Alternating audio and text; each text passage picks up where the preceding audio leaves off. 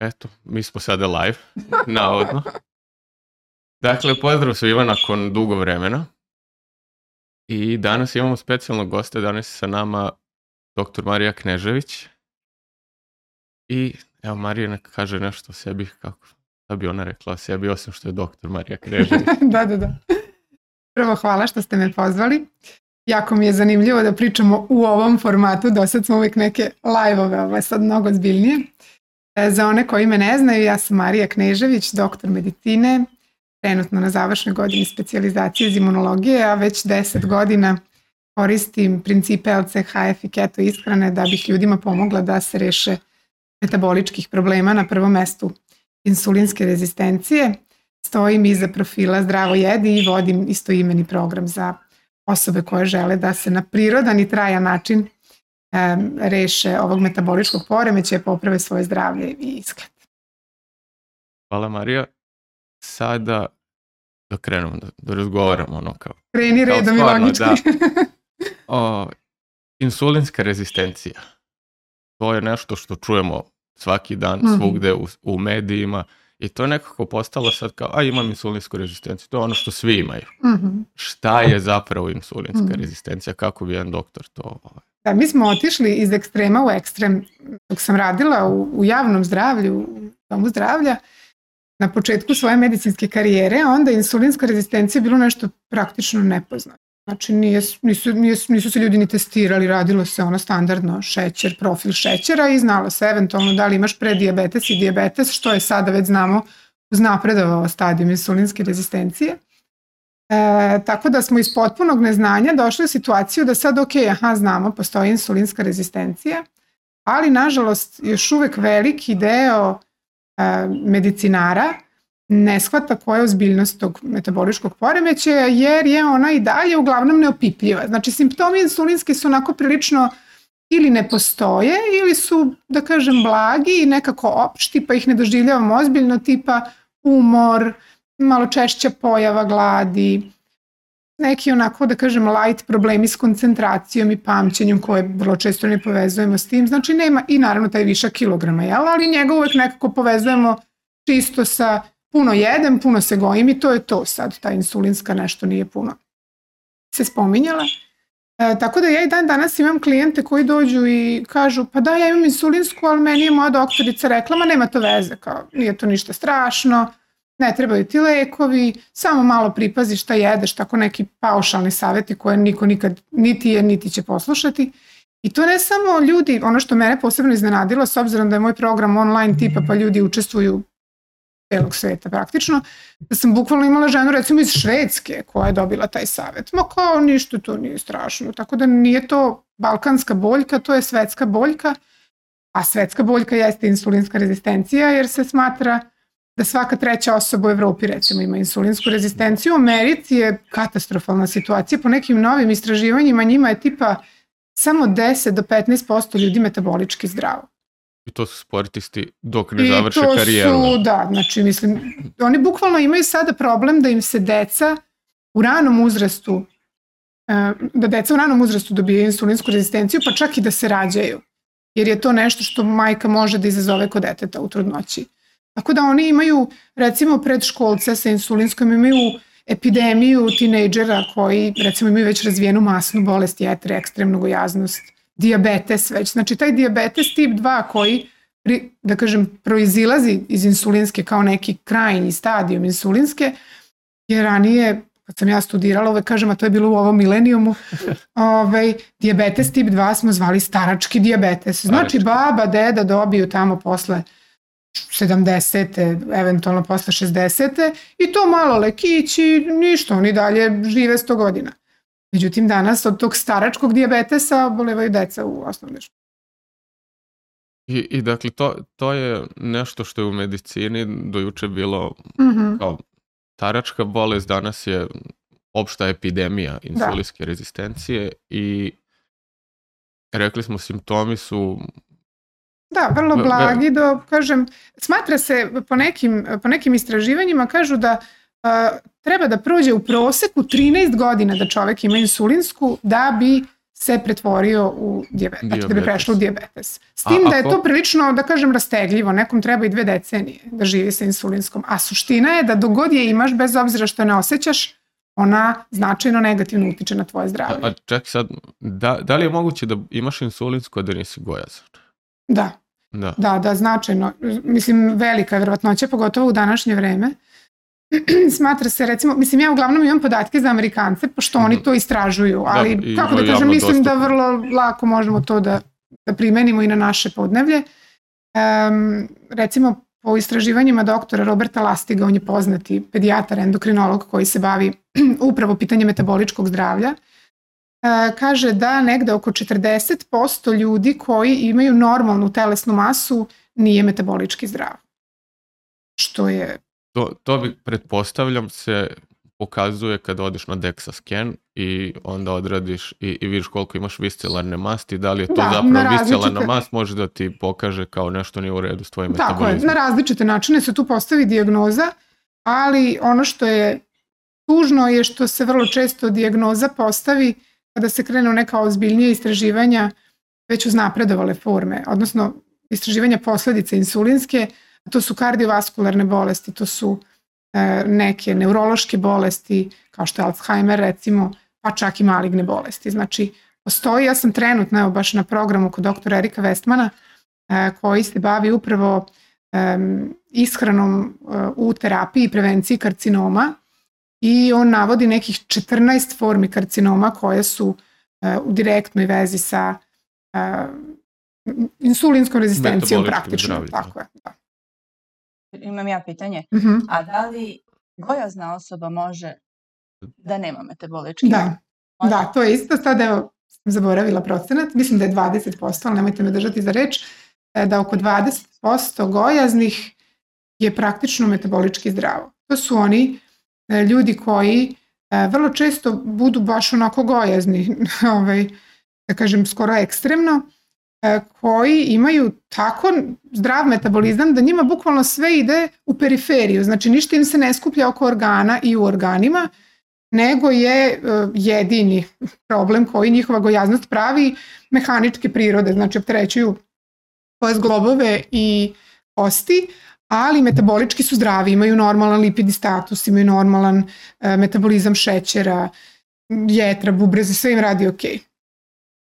Tako da ima, da, na obe strane I- i- izuzetaka. Ima sa svih strana. Da, Da. zato što pošto ja pratim food blogere Mhm. i, i ima jedna koja baš insulinsku rez- rezistenciju jer je ona kaže izlečila se, a sva je ko loptica. Onda meni nikad nije bilo jasno Da. kako kad si... Da, moguće je, Da. da. Ali kažem, opet i gojaznost sama po sebi nosi te neke druge posledice, ali opet naravno da je lakše kad bar ne misliš o tome da će srčka da te... I kako se leči insulinska Mhm. rezistencija?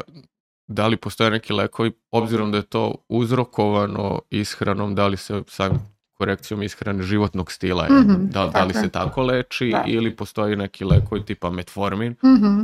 koji kao po- poboljšavaju senzitivnost Da. ćelije na, na terapija može da bude jel, raznolika. E, kada dođete od lekara, specijaliste, endokrinologa recimo ili ginekologa, uglavnom se te dve specijalnosti bave ovaj, lečenjem insulinske. Ono što se najčešće dobije jeste upravo taj metformin, znači to je Siofor, glukofaž, već zavisi koja ga fabrika proizvodi, ali u osnovi je lek metformin. I to je solidan lek, znači za ljude koji ga dobro podnose, e, on može biti deo terapije i recimo za ljude koji dođu kod mene u program, ja ga nikad na početku ne isključujem, um, zato što on može malo, ne može, nego on uglavnom ubrza malo sam proces i metaboličkog oporavka i gubitka kilograma. Međutim, kod ne malog broja ljudi metformin izaziva prilično neprijatne neželjene efekte, najčešće su to digestivni digestivne smetnje, nadutost, bolovi, poremećaj pražnjenja stolice, bol u želucu i tako dalje, ali kod nekih i neke druge smetnje tri, tipa nervoze, ono, promjene u raspoloženju i tako dalje. Tako da to naravno da ne treba zanemariti, u tim slučajevima je naravno uvek treba konsultovati lekara ovaj, kada se lek pauzira ili isključuje, ali generalno on nam je kao neka pomoć, znači kao ne znam kad se sređuješ za Tako. izlazak to ti je neka ono neki ukras u kosi, ali nije suština. ovaj, ono što je osnova jeste da menjamo uzroke, odnosno da utičemo na uzroke koji su do insulinske doveli, a do insulinske nije doveo manjak metformina u krvi, nego je doveo konstantno visok nivo insulina u krvi. E sad, uzroci tog konstantno visokog nivoa insulina u krvi na prvom mestu je pretaran unos ugljenih hidrata, jer je insulin hormon koji inicijalno reaguje na povišen nivo šećera u krvi. Tako da kad mi pojedemo nešto slatko, gde spada, jel, sad mi znamo već i testo, i skrobno povrće, i voće i tako, naš nivo šećera u krvi ode u nebesa i ako ponavljamo takve radnje više puta dnevno, a uglavnom ponavljamo, mi dobijemo jednu tu fino visoku koncentraciju insulina i naše ćelije u jednom trenutku više ne mogu da podnesu, odnosno neće više da trpe taj teror, jer insulin je, ja to kažem, ovaj, baš sam jedan story imala koji su onako dosta dobro ljudi prihvatili, kao komšija koji dođe da ti donese, eto, komšinici ima malo šećera, viš kao hoćeš da ti dam kad budeš pravila tortu, pa kao da, da, pa onda dođe sutradan pa nosi, jel, dve, dve, dva džaka šećera, pa non stop natrpava i onda na kraju komšinica lepo zaključa vrata i kaže doviđenja, možda zvoniš da sutra. E, tako da malo slikovito prikažem. Tako da, um, kada rešimo sam uzrok, a kažem na prvom mestu je to preteran unos ugljenih hidrata i prečest, mi već utičemo pozitivno, jel? Ali nije samo ishrana nešto što što je doprinoseći faktor, ona je osnovni, da kažem, faktor, ali ima još tih nekih ukrasa, jel? Tu su u kojoj, spavanje. U kojoj mhm. meri stres utiče? Znam da, da ono, stres dosta. Stres, jeste. lučanje kortizola, ta, i, i samim tim pravi se glukoza da, da bi se pumpala u, tako u mišiće, jer to je ono fight, To je nešto što se i prirodno, tako je, to je nešto što se i prirodno u našem organizmu dešava, mi svako jutro se malo stresiramo, taj kortizol nam negde i služi osim što nam služi da nas spase od tigra koji nas napada, a mislim realno nas nikad ne napada, ali sad je taj tigar naš šef, mama, partner ili već ko, znači on se luči u stresu da nam pomogne da tu stresnu situaciju, kao što si rekao, izbegnemo ili boreći se ili bežeći. Kortizol svako jutro se luči negde tu oko zore da nam pomogne da se razbudimo.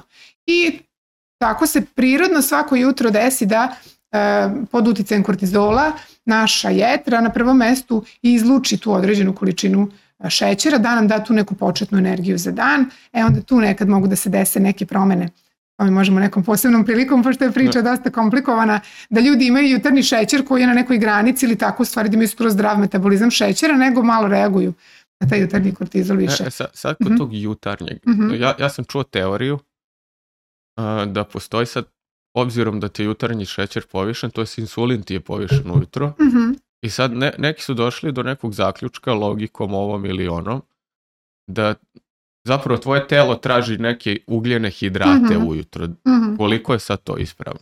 Da. A u principu e, nama naše telo da sasvim dovoljno tih početnih ugljenih hidrata ujutro, to što kažem pod uticajem kortizola.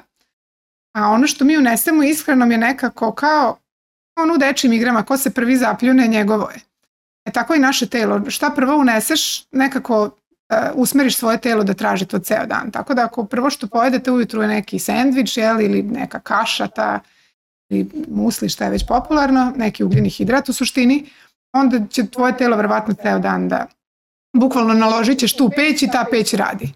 A ako ujutru ne pojedeš ništa ili pojedeš nešto što je jel, po našem LCHF keto, onda prosto odmah svoje telo usmeravaš u pravcu sagorevanja masti i metabolizam u tom. Tako da taj jutarnji e, skok šećera i kortizola to je nešto mali neki boost koji apsolutno ne znači da sad mi ujutru. Čak naprotiv, e, smatra se u LCHF krugovima da se ugljeni hidrati u stvari najlošije ujutru podnose, da su u stvari najveći šok za organizam.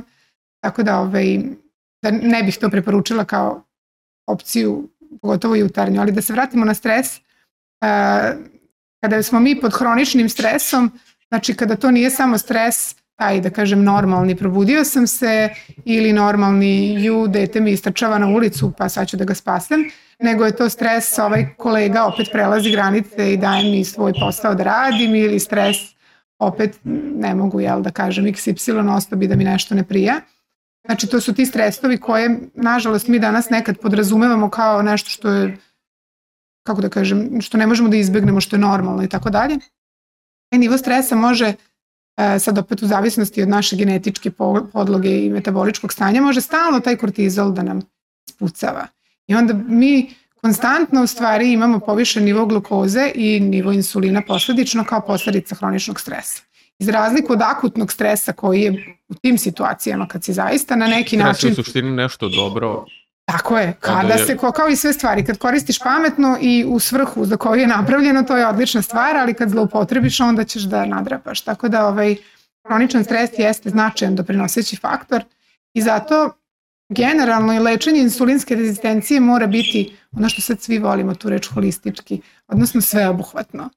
I e, mislim da će moment u, u kom zvanična medicina bude zaista ozbiljno inkorporirala u, u, u svoj način rada taj holistički pristup, znači da se pacijent posmatra kao celovito biće, kao sklop duše i tela, a ne samo e, sistem organa, pa onda svaki taj organ leči posebno. Znači ne samo da se svi organi leče zajedno, nego da se komplet osoba leči zajedno, mislim da će tek tad u stvari. Zato sad ova integrativna medicina koja je spoj te neke tradicionalne, koja je razumela taj koncept telovitosti, ali nije imala alate koje ima sad ova zapadnjačka, ili kako je zovu medicina, kad se te dve stvari spoje, to je stvari prava stvar. Tako da znači ishrana na prvom mestu, upravljanje stresom, spavanje je isto jako značajan ovaj faktor Ako koji... ne najznačajniji. Ne? Molim? Ako ne i najznačajniji. Da, da, da. Spavanje je u stvari, ja tu uvek onako šokiram e, ljude kad dođu u moj, ovaj, u moj program. Uglavnom svi se hvataju fizičke aktivnosti, jel, to je sad popularno. Kao, ok, ti ćeš da mi pomožeš hranu, kao što da vežbam, kao hrana, kao ok, ali kao što da vežbam. Ja kažem, pa ništa. A onda oni onako stanu u šoku, gledaju da sam, da sam normalna ili nisam. Ove, onda ja kažem, ne kažem ja da ti sad legneš i gledaš u plafon, nego da ne treba da ideš neke naporne treninge, niti bilo šta, jer to je jedna od najčešćih grešaka koju ljudi prave. Sad oni dobiju taj neki, jel, ovaj nalet energije i motivacije, sad ću ja da se I promenim, sad ću ja, odjednom. i sad ću ja sve, znači i da meditiram, i da jedem keto, i da spavam, i da treniram ono pet puta nedeljno. Uglavnom se svi uhvate za to spavanje, e, za tu ishranu i za to treniranje, zato što im je to nešto onako što generalno jeste najlakše za inkorporirati. Kad mi pričamo o spavanju, svi kao ma spavanje, ali u stvari kad nekom kažeš aj lezi svako veče u 10, onda u stvari shvate ovaj, koliko je to teško. Pa kao, ali samo još, a šta samo još? Pa čekaj, polako. I onda kao, aha, ajde ugasi ekran dva sata pre spavanja. Spavanje, da. Pa kao ajde sve. I onda kad ljudi osveste, po nekim istraživanjima, e, 96% ljudi e, se uspavljuje uz telefon. Znači 96% ljudi gleda u ekran A, ali to je neposredno postalo pred kao spavanje. neka produžetak tvog bića. Jeste, jeste, Probudiš jeste. se, To otvori, postala smo o- o- avatari. Da, da, da. da. Mislim, ja, ja se trudim svak, ono, svako jutro bar sat vremena da ne gledam u taj telefon, Mm. ali nekad je, probudim se i kao, nije mi ni do čega, kao, daj da vidim šta ima, baš mi ono kao kopka me u glavi, kao, šta je, da li se nešto Da, da, da. dogodilo ili nije, Da, da. i onda kad kreneš niz taj, ono, be, u To, beskonačno ako počneš- ideš. To je kao ova priča s ugljenim hidratima. Ako ujutru sebe naložiš, stav da uzmeš telefon, nekako će odmah ruka da ti krene. Da, ali, ali spavanje, mislim, stvarno je Da, je jedna da, od jeste. stvari. Da, smatra se da spavanje bukvalno ima veći uticaj na naše zdravlje nego uh, treninzi. I onda ja mojim ovaj, klijentima uvek kažem, ako uveče ono razmišljaš da li da legneš da odmoriš ili da ideš da treniraš, uvek lezi i odmori. Kao to je uvek Da. bolji izbor. Ne kao izgovor, nego kao prosto i treninzi nisu baš uvek su bolji ovi jutarnji nego ovi kasno večernji. Me- Meni je, na primjer, značajan onaj podatak ka- kada vršimo promenu o, sata, kao Mhm, letnje, da, zimsko da, da. računanje vremena i onog, onog dana kada se skraćuje, ono, Mhm, Kad spavamo sat vremena manje, kad spavamo sat vremena manje, nešto značajno više srčanih udara je. ima tog Da, da. dana nego u ostatku Tako je. godine. tako je, koliko jedan sat spavanja Da, da, da. može da utiče to je to. na neku ko već, mislim nije taj srčani udar došao sad zbog tih sat vremena, nego ti Jeste. već imaš neke hronične bolesti i, i Tako je. probleme. To je ono kap koja je samo prelila. A, ali tih sat vremena će iskratiti Da, to, život. neverovatne su te, uh, ti podaci o spavanju, recimo, uh, pošto ja ljude u svom programu kažem krenemo od ishrane, prevarim ih da će biti samo ishrana, onda kad uđu u program onda krenemo spavanje, fizička aktivnost i stres, svašta nešto i onda kad dođemo do spavanja, ovaj, kada, sam, kada sam pripremala uh, taj materijal i ta predavanja za spavanje, e, meni je bilo šokantno, meni je to bilo naj, najzanimljiviji deo zato što sam tu ja najviše naučila, jer je bilo bukvalno ju, ja ne znam, ono, um, recimo spavanje šest i manje sati e, ti e, te kao vozača čini opasnim isto kao da si popio ne znam koliko alkohola. I onda ta poređenja, recimo koliko sam, sad sam se naježila, koliko se godišnje e, troši novca za e, promovisanje vožnje e, bez e, konzumiranja alkoholnih pića, a troši se nula da se promoviše da se čovek naspava ili da napravi pauzu. Ili da se to, a bukvalno postoje istraživanja koja su to nedvosmisleno pokazala, znači nije to sad nešto mi ovaj, filozofiramo, nego zaista se pokazalo. Za insulinsku rezistenciju isto tako, bukvalno su radili istraživanja e, da su ljude, ne znam, naravno eksperimentalnim uslovima, da spavaju toliko, toliko, toliko. I ovi koji su spavali najmanje su razvijali tu početnu insulinsku u roku, vrlo kratkom roku, ovaj, bez drugih faktora, znači samo spavanje. Tako da to je vrlo, vrlo značajan doprinoseći faktor. Znači stres, spavanje i na kraju ta fizička aktivnost, ali ne fizička aktivnost pa ću ja da istrčim. Crossfit ili nešto. Tako je. Ja sam recimo počela prošle godine da trčim, e, ali sam počela da trčim skroz iz drugih razloga. Meni je to bio način da mentalno sebe izazovem nekako, zato što je meni to beskreno dosadno. Znači ja sam uvijek mrzela da trčim i moj, da, moj muž kad je počeo pre 9 godina da trči, ja sam bila u fazonu, brate, kako, kako ono gde možeš... Gde ti je lopta? da, da, da, prilike, bravo, da, gde ti je lopta? I ja sam kao bila, podržavam kao super si, ali ja da trčim, znači meni je to bilo bukvalno definicija smora, je meni bilo trčanje. I onda mi negde prošle godine sazrelo, pa eto, mogla bih tako da malo vežbam to strpljenje. Znaš, ja nisam neki fan sad, ne da nisam fan, nego meditacije i šta ja znam, meni je to trčanje bilo kao forma, ok, ovde ću ja svoj um da smirim i da fokusiram, ono, da, li, da, da prosto mi bude tu centar pažnje. I onda sam istračala taj svoj prvi polumaraton i posle još neke trke. Ovaj, ali ono što sam primetila upravo na tim događajima gde učestvuju stotine ljudi, evo sad je bio noćni polumaraton pre koliko nedelju dana, e, ovde u Novom Sadu. Pa ja, nažalost, iz te nekih ličnih, porodičnih da, da. razloga sam morala da odustanem, ali muži moj ovaj, trčao. Na kraju sam i ja skontala da sam mogla i ja, ali nema veze. Ali hoću da kažem, i ove godine ja gledam, mislim, profesionalna deformacija, uvek gledaš ko je kakav, ko ti kako izgleda. Um, nezanemarljiv broj ljudi koji imaju prekomernu telesnu masu i čak gojaznih ljudi Trče. istrči polumaraton.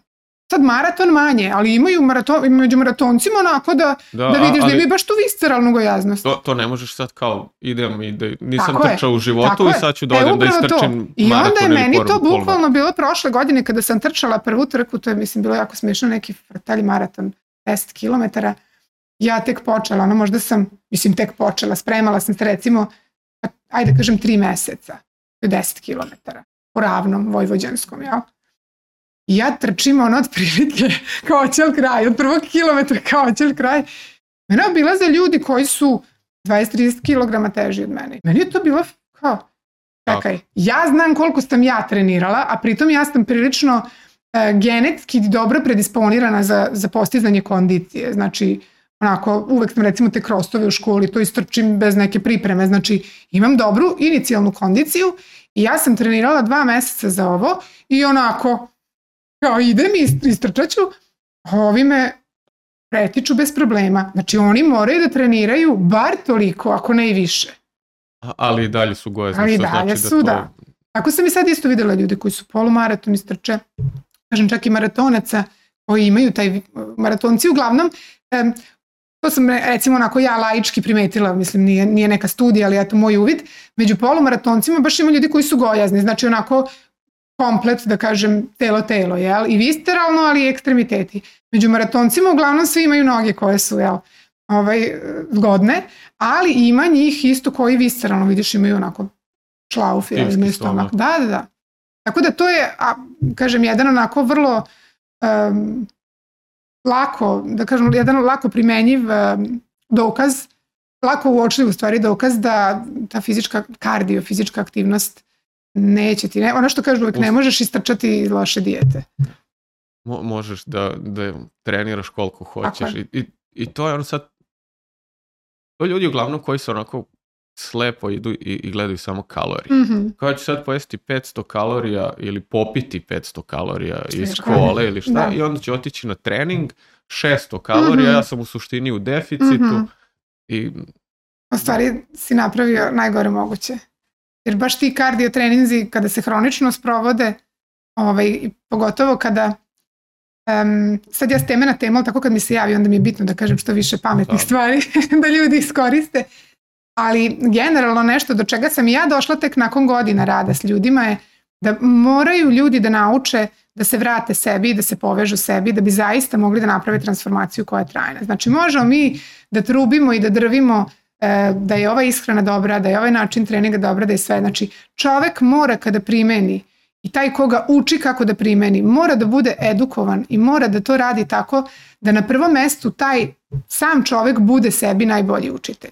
Znači, možeš ti meni doći i reći ja imam taj taj problem, ja ti napravim plan ishrane, pomognem ti nekim tim cakama, jel, kako da na svadbi kažeš nedosadnoj tetki, lupam ili tako nešto koja hoće da ti uvali tu tortu, a ti nećeš, znači to je sve ok, ali ja na prvom mestu, ono što sada radim, učim te svoje klijente da osete svoje telo. Mi imamo čitav jedan nervni sistem enterički, znači mozak, krevni mozak koji osjeća.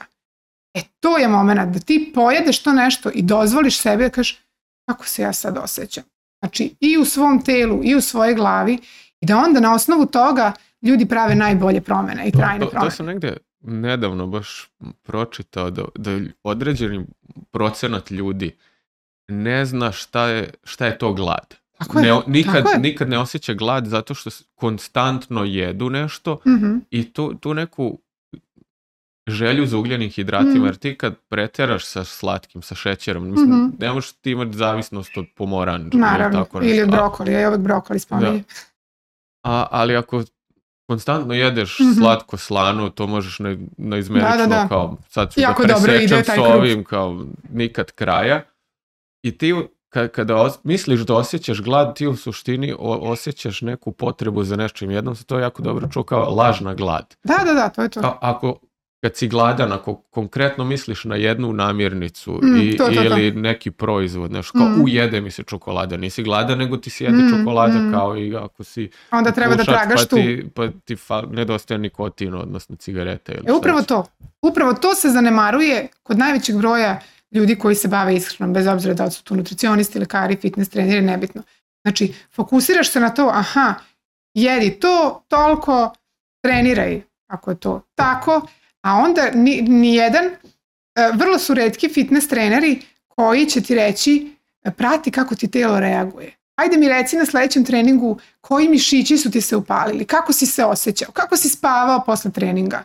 To je zaista redko do, do, da se ne nađe otprilike, a to je jako bitno. To je jako bitno i održivosti, jer ako ti vidiš da kao tvoje telo, aha, ok, sad ću, mislim, o, o fizičkoj aktivnosti možemo poseban podcast da snimimo, ovaj, ali kada čovek nekako nauči da tom svom telu da i odmor, da, da pokrene one delove koji nekako, um, kako da kažem, su, su za ostatku odnosu na druge, znači da prosto to sve bude u skladu sa, sa nekim trenutnim stanjima da ide ka poboljšanju, to je onda To skroz druga priča. jedan vid meditacije gde ti Upravo to, trening ne treba, se- da- ako je trening napor, ako je trening, ja sam sada evo krenula, znači meni je trebalo 10 godina ishrane, ajde kažem 9, prošle godine sam krenula to trčanje, ali ja to trčanje stvarno nisam doživljavala, ja nisam smršala ni kilograma, da se razumemo, eto, koliko god da trčim, moja masa je tu, jer ja, ali ja to znam da prepoznam, zato je opasno raditi to na svoju ruku. Meni je odmah petit krenuo da skače Da. kad sam krenula da trčim. Znači, kardio može da bude, to je ono kad ljudi kažu, ali evo ja na dijeti i ono idem tamo, veslam, trčim, znojim se ko blesav, kaže gojim se. Kako? Pa ja sam čudo neko. Nisi čudo, ti si klasik, klasična priča. Preterana Da. potrošnja, budi tu, ja kažem, daju zvanu glad, meta, telo bukvalno Ali kažeš, pose- posebno to trčanje, ja mislim. da, da, da, je- kardio, pa to kardio treninzi su naj, to, da. to na duge staze, jer gledao sam jedan podatak da ovi maratonci, kenijci, unose 3000 grama ugljenih hidrata. Da, da. isključivo iz onih kukuruznih nekih Da, kaša, da, da, da. nemaju ništa drugo da jedu, Da, da, da. kukuruz raste u Keniji. Da, da, da, to, to je da jedemo. to, da. Ali on izgleda kao štap Mhm, i, i imate intenzivne treninge 3-4 sata dnevno trčanja, Da, da. ali ovaj, mislim i ti sad misliš možeš da jedeš toliko, Da, da, da. ali možda on može i pogotovo Da. i, i drugčije podnevlje, malo drugačiji metabolizam ugljenih Jest, hidrata, jest. jer nisu imali dostupno ono što mi imamo ovde, da. ali da, tu je većina ljudi. Da, ali to se da kažem, znači ja sam prošle godine da kažem, ajde, fizički se tek aktivirala, ali meni je tek ove godine došlo, ja bi sad nešto da treniram. Ja bih da treniram zato što želim, aha, ok, sad sam već tu, bliži se 40 hoću malo da zaštitim svoje kosti, hoću da ojačam svoje mišiće, hoću da... Znači, bukvalno, apsolutno mi uh, nije moj um, izgled, ajde ne mogu da kažem da nije, naravno da želim i da izgledam lepše, ali to mi je negde na dnu razloga. Zašto? Meni su ti neki zdravstveni razlozi kao hajde sad još sebe, kako mogu još sebi da pomognem da budem još zdravija, da imam još više energije i onda sam krenula na te individualne treninge koji su onda skroz druga priča. I generalno sad da se vratimo na temu insulinske, e, kod insulinske rezistencije najbolje vrste treninga su treninzi snage, e, treninzi pod opterećenjem. I tu ti ne možeš da Uh, mislim, možeš da se povrediš i to, ali uh, dobra stvar kod tih recimo dizanja Ne tegova je, se pretreniraš. tako je, znači kad dižeš tegove mišić kad je se istrošio, možeš da ne znam šta, Da, nećeš i- ga više dići ni jednom. Tu, tu je To. kraj. Da. Pomenula da- si, prešla si, promenila si ishranu pre Mhm. 9-10 godina. Da, 2013. Šta je tebi bio okidač, mislim? Da, da li si i bila gojazna, zdravstveni problemi, šta, Da. šta je bilo u pitanju? Ja sam ovaj, što, do 2013. bila običan lekar, onda sam postala neobičan i čovek i lekar. Ja sam imala problem sa hroničnim umorom. I to je bio onaj hronični umor koji, eto možda neko od, od ljudi koji nas gleda i sluša isto ima. Dođem kući s posla, pojedem nešto i onda kao onaj Grandpa Abraham, ili kako se zvao, u Simpsonovima, onaj što samo zabaci glavu i zine i krene da spava. E tako sam ja bila. Ovaj, posle obroka, naravno, to je bilo ono, ugljeni hidrat plus meso. Ovo, imala sam tu pospanost i sad dok sam bila sama ili dok smo bili muž i ja sami, to je bilo ok. Znači dođem kući, jedem, taman malo dremnem dok dođe s posla i onda sam ok. Međutim, 2012. sam rodila prvo dete i kada sam se posle godinu dana vratila na posao, onda je to već postalo malo izazovno, jer sad ja dođem s posla i ok, jedem, ali ne mogu sad malo da preklopim, nego me čeka dete od 11 meseci koje mama uči da hoda, jel? jedva me dočeka i tako i onda sam ja bukvalno e, shvatila da je to neodrživ jedan sistem jer ja dođem kući, jedem jer sam prosto gladna i onda sam imala, sećam se neku ugovnu garnituru i na pod stavim jorgan neki i tu stavim svog vuka i stavim u te neke gomilu tih igračaka i onako legnem pored njega kao, ne znam, mislim grozno sam, kao zombi neki, da, i tako u tom nekom polu snu dočekam muža da dođe i onda kao ajde popijemo kafu, malo se, malo možda tad i odspavam, ali mi je, mislim, ne mogu sad da se setim tačno, ali mislim da su bile dve ili tri nedelje da sam ja u tom modu preživljavala, bukvalno da sam Ti se rekla, vratila na posao, pa? Da, da, da, kad sam se vratila na posao, sam rekla, ok, ovako ne može, znači nešto mora da se menja, e, neću da budem ono stay at home mom, prosto to mi nije opcija, ne mogu ni detetu da dam otkaz, jel? Znači, mora se naći neko rešenje za taj hroničan umor i onda sam ja krenula naravno da googlam šta ću drugo, jer na fakultetu su me u stvari nisu si me ti ni tamo? učili. nisu Šta? me ni učili. a Ako je kolege, neko se ispome- žalila kolegama, su ti oni nešto predložili? Ne, kao- nas, nas generalno uh, sindrom hroničnog umora, bar kažem tad kad sam ja studirala, nije bio neki pojam koji smo obrađivali ili je bilo nešto možda iz psihijatrije recimo kao neki animozitet, Da, ali depresija, je to kao. bilo da ili tako nešto ili kao prosto ili ovde nizak pritisak ili uvijek je bilo tako neko flaho objašnjenje koje nije imalo neko rešenje posebno.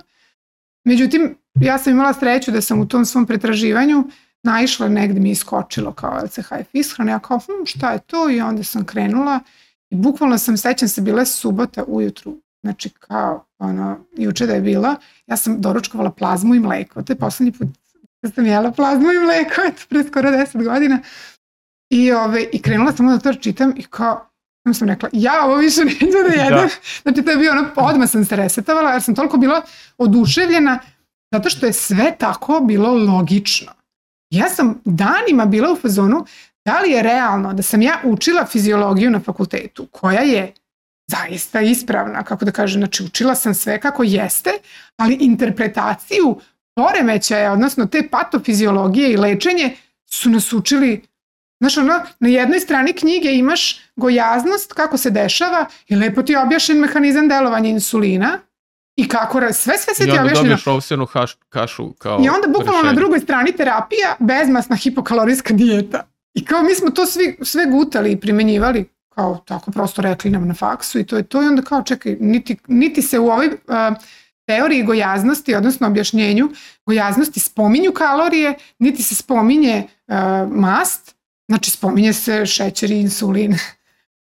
kao šta? I onda meni to kad mi je kliknulo, ja sam onda bila skroz, mislim, inače sam ja taj štreberski tip, i onda sam ja bila daj mi još, daj mi još, daj, ko, ko se još time bavi? Onda sam ja odmah tu negde našla tu zajednicu online koja je već postojala u Americi je dosta dosta već bilo lekara, kažem, eto taj Eric Westman uvek njega i Jason Fung i tako, znaš ih ti sve, da. Ove, tu sam ekipu odmah zapratila i krenula da, da primenjujem, onda sam našla i Marka Sisona, on nije lekar, ali je čovek elitni atletičar bio 70-ih i bavi se profesionalno. On je paleo iskreno. Jeste, on je, pa, on je neka kombinacija, on je primal, Apple. on je primal, jeste, Daily Apple, jeste. Ja sam kod njega završila, to mi je prva edukacija u oblasti. CHF ishrana je njegov taj. On, on se sad prešao to na karnivor koliko, koliko e, ja on sad radi svašta. Mislim, on u stvari uh, sad Tra, jako da dobro, vidi, da. da, da, on jako dobro u stvari uh, sada deli. To je ono što kaže, ono, jedan pristup ne, ne odgovara svima, ali low carb pristup odgovara svima. Samo da li će to biti neki umereni low carb, ili će biti neki srednji, ili će biti keto koji je malo stroži, ili će biti karnivor, ili će biti Lions diet što je ono kao samo na četiri noge što hoda. Da. Znači to ili će biti kombinacija sa, znači to su sad uh, jako lepe i zanimljive kombinacije koje svako može da istraži. Ja kažem uvek apelujem da to bude pod nadzorom nekog ko je i ole stručan. Ovaj, prosto zbog tog prelaznog perioda i zbog interpretacije tih nekih simptoma, znaš samo ono, javi se keto grip, misle ljudi ovo će me ubiti, a u stvari sam treba malo so, da dosole i da više vode piju i magnezijum. Ovaj, tako da uh, Mark se drži tog svog primala, ali sad ima, baš se uvijek šmekam te njegove nove programe, svi jako zanimljivi, upravo sad ima jedan koji je baš posvećen tome da istražiš i paleo i low carb i keto i carnivore, znači bukvalno pravi uh, upoređenja i tako. To, to postoje onaj termin, o, ovaj, Ken Berry doktor, on je rekao proper human diet. Da, upravo to. Upravo odgovarajuća to. ishrana za, tako za ljudsko biće tako i onda ti se nađeš tu negde šta tebi jest, odgovara. Jest. I, I šta podnosiš tako dobro. Je. Tako da sam ja onda u tu priču ušla i uh, odmah sam krenula da primenjujem i posle četiri dana ja sam bila kao da mi neko no, ja kažem, ubrizgo heroin, bože, heroin, kokain u venu. Znači, totalno sam ono živnula. Dobila sam tu neku energiju koja je Um, to samo ljudi, mislim, vas dvoje sigurno to znate, pošto znam da ste u toj priči, kad čovek krene da, da vari masti, odnosno kad uđe u ketozu, to je posebna vrsta hajpa, znači posebna vrsta kao, u, šta ćemo sad, u, šta ćemo, kao sam smiri se sad malo. I zato je jako dobro za koncentraciju, za te neke intelektualne ovaj, stvari, da si u ketozi, ali prvo ne moraš da misliš o hrani, ali možda ne jedeš tri dana bukvalno, A druga stvar, ketoni su jako dobri, jako dobar izvor energije i konstantan i onda imaš taj fokus ovaj, i lakoću razmišljanja.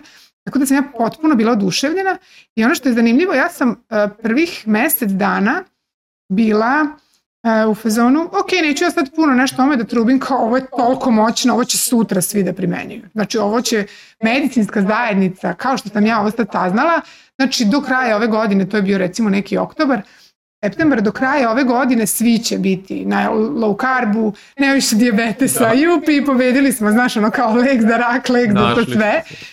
I onda je tako prošlo nekoliko meseci, ja samo shvatim, ništa se ne dešava.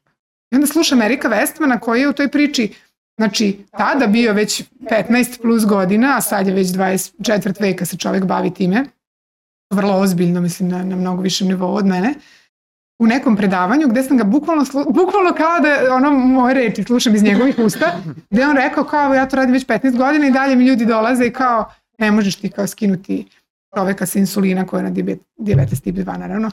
Ove kao ne, ne može se, kao mora ovo, mora ono. Kao i dalje, kao i dalje većina mojih kolega na isti način sve to radi. Kao, to je bilo pre 10 godina. To je bilo pre 10 godina. Mislim, on i dan danas, kažem, evo sad je on počeo malo sad je valjda i on shvatio da ipak moramo mi koji smo tu nešto već jel, ovaj, pokazali i dokazali da moramo više da se aktiviramo, da edukujemo druge. Tako da ovaj, to je generalno problem bio. Ja sam imala potrebu da izađem na ulicu i učem Eureka. Eureka, međutim, ništa se nije desilo. E, onda sam počela malo sa svojim pacijentima u ordinaciji da, da, to, da primenjujem te principe. E, ali to bilo Kako dosta... Je bio odziv?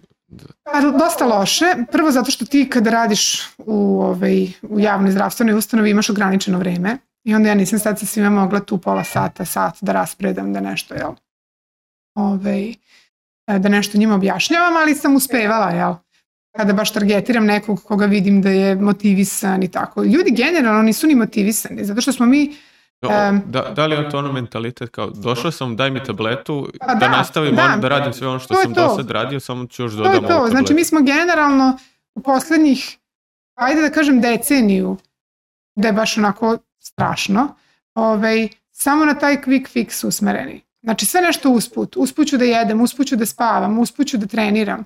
Ali daj samo da kao, ali niko u stvari ne zna šta je onda to što je suština.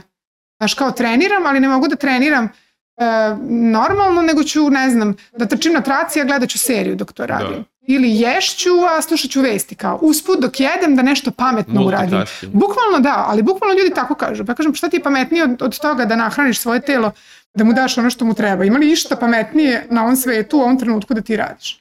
Jednostavno. Kažem, a znaš da taj obrok sad kad jedeš u TV potpuno drugačije variš nego kad ga jedeš Ozbiljno. Da, da, da, to je bukvalno um, čitava nauka oko toga slow down, slow down diet se zove i tu u toj knjizi su neka baš istraživanja onako zanimljiva gde su um, recimo postoji, to je nešto što je meni jako zanimljivo, ta kao nutri psihoterapija, jel? gde ti ljude ne učiš toliko šta da jedu, nego ih učiš kako da jedu.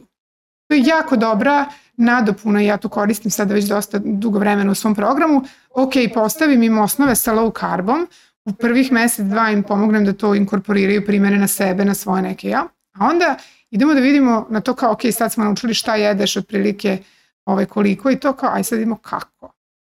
I onda se bukvalno pokazalo ono žvaći. Da, da, da, određeno. bukvalno taj mindfulness jel, koji je svuda sad popularan pa tako i u ishrani, jer kada ti posvetiš pažnju onda mnogo bolje osjetiš ukuse, mnogo bolje ispratiš da li si sit ili nisi i prosto povezuješ se, ono opet se vraćamo na to, povezuješ se sa sobom i svojim telom, primaš taj feedback i onda dobiješ odgovor recimo da vidiš rekli su mi da je ne znam karfiol ok, ali meni ne prija, mene nadima. Ok, da probam malo bez njega pa ćemo, znači te, te neke finese koje na kraju znače uspešnost. Na kraju je sve ono u detaljima, jel? Tako da se recimo uh, uvek taj primer na programu spominjem, uh, taj čovek je imao klijenta koji je bio da kažem, zavisnik od McDonald'sa.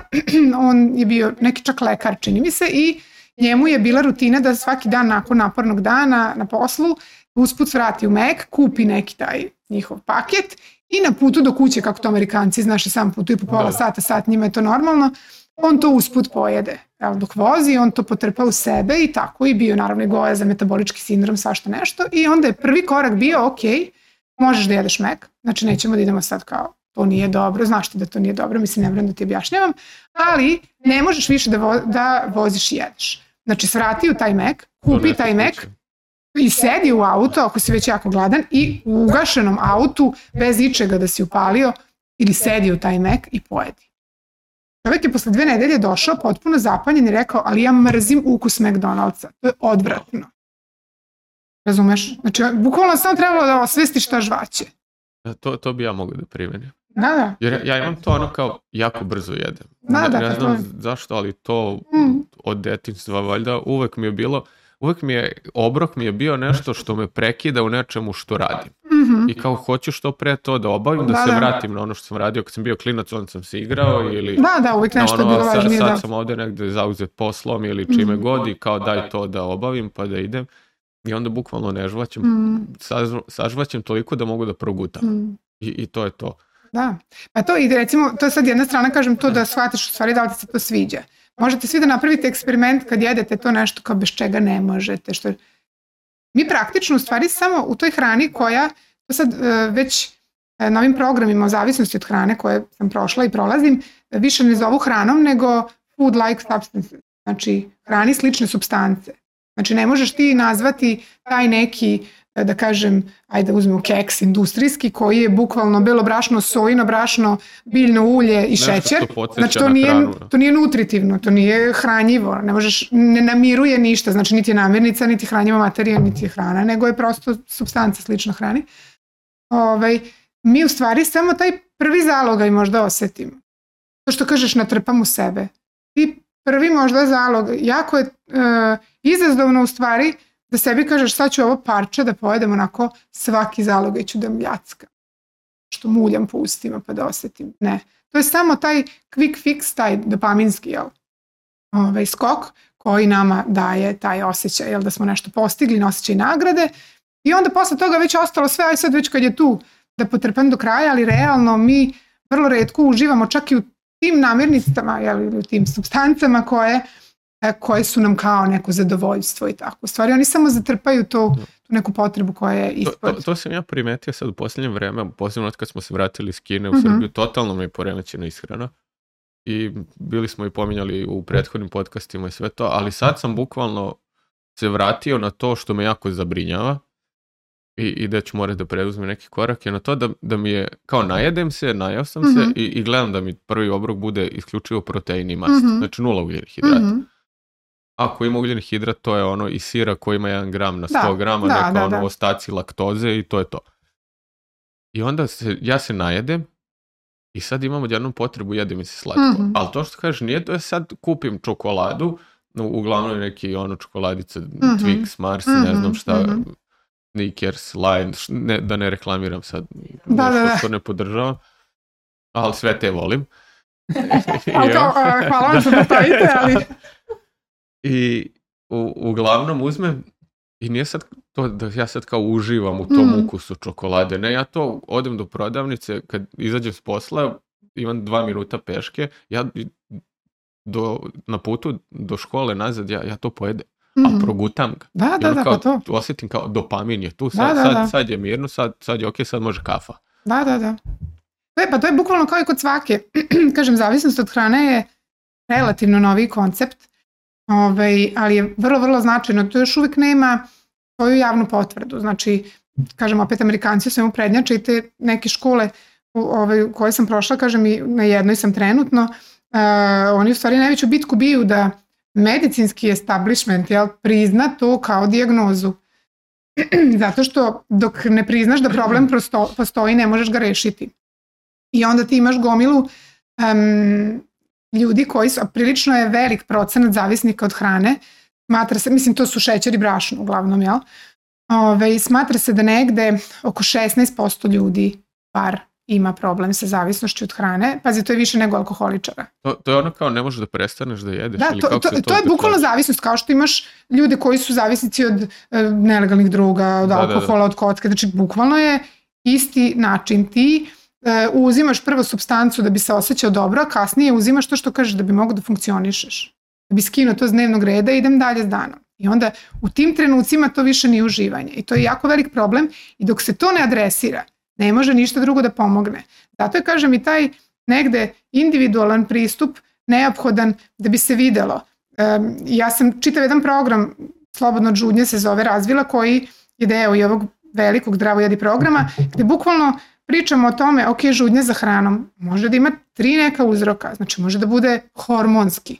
Imaš insulinsku rezistenciju ili hiperinsulinemiju i prosto ti imaš te napade lažne gladi tebe to, ono što kaže mozak protiv hormonske gladi nema šanse nikakve. Znači ti možeš da mantraš ti nisi gladna, tek si jela, nije ti to dobro. Ne, znači hormoni kad kažu jedi, ima da jedeš. Znači to je mat odma.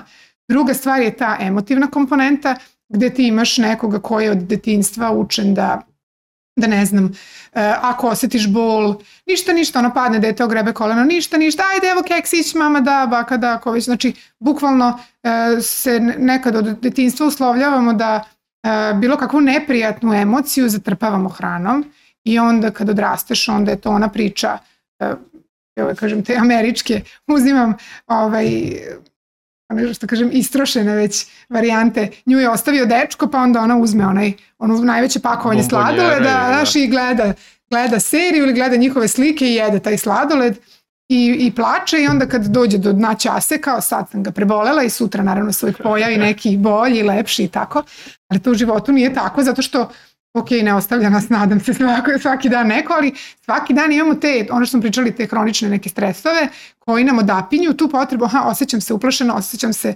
povređeno, osjećam se ljutito, osjećam se umorno.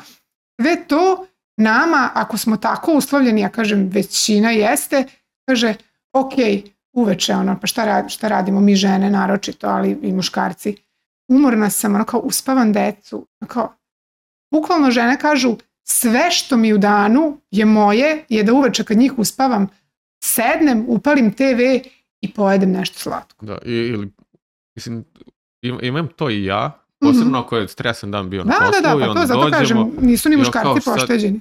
bio sam odlučio kao ješću jednom dnevno, ponesem baš onako Mhm, porcije dobre i pošto nosimo hranu Mhm. ne idem školsku, mhm. to što je druga priča, kao Da, da, da. ka- kako, kako nam jedu deca u školskim zapisuj nam, zapisuj nam teme za naredne O. epizode. I, I onda dođem kući, bilo je nešto kao nekih problema i ono kao, au. Ja imam problem i to što imam žudnju za, za ovaj slatkim Mhm. i za slanim, mislim Mhm. bilo koji vid, Mhm. ovaj, to krekeri, kiflice, Mhm. nešto. Ali onda ti se javi problem to da, da imaš žudnju za alkoholom, što je, Da, pa to su te može da pridružene, eskalira u, u pridružene boljke. katastrofalno. Mhm. I onda kao držim ja to pod kontrolom, ali dok Da, ćeš da. to držati, jer ne znaš kada će da izmakne To kažem, pogotovo kad postoji ta treća komponenta, kažem, rekli smo hormoni, emocije, treća je ta adikcija. I onda imaš, a svi, um, ono što ćete uglavnom čuti kad bilo koga pitate zdrava ishrana, to svi, svi kažu umereno, pa onda onaj pareto, 80, Balansiraj. 20, kao ne treba ići u ekstrem da bi bilo održano. Kada si zavisnik, moraš ići u ekstrem. Znači, kada si alkoholičar, neće ti niko reći popij jednu rakiju nedeljno. Reći će, druže, znam da je teško, ali nula alkohola. Da.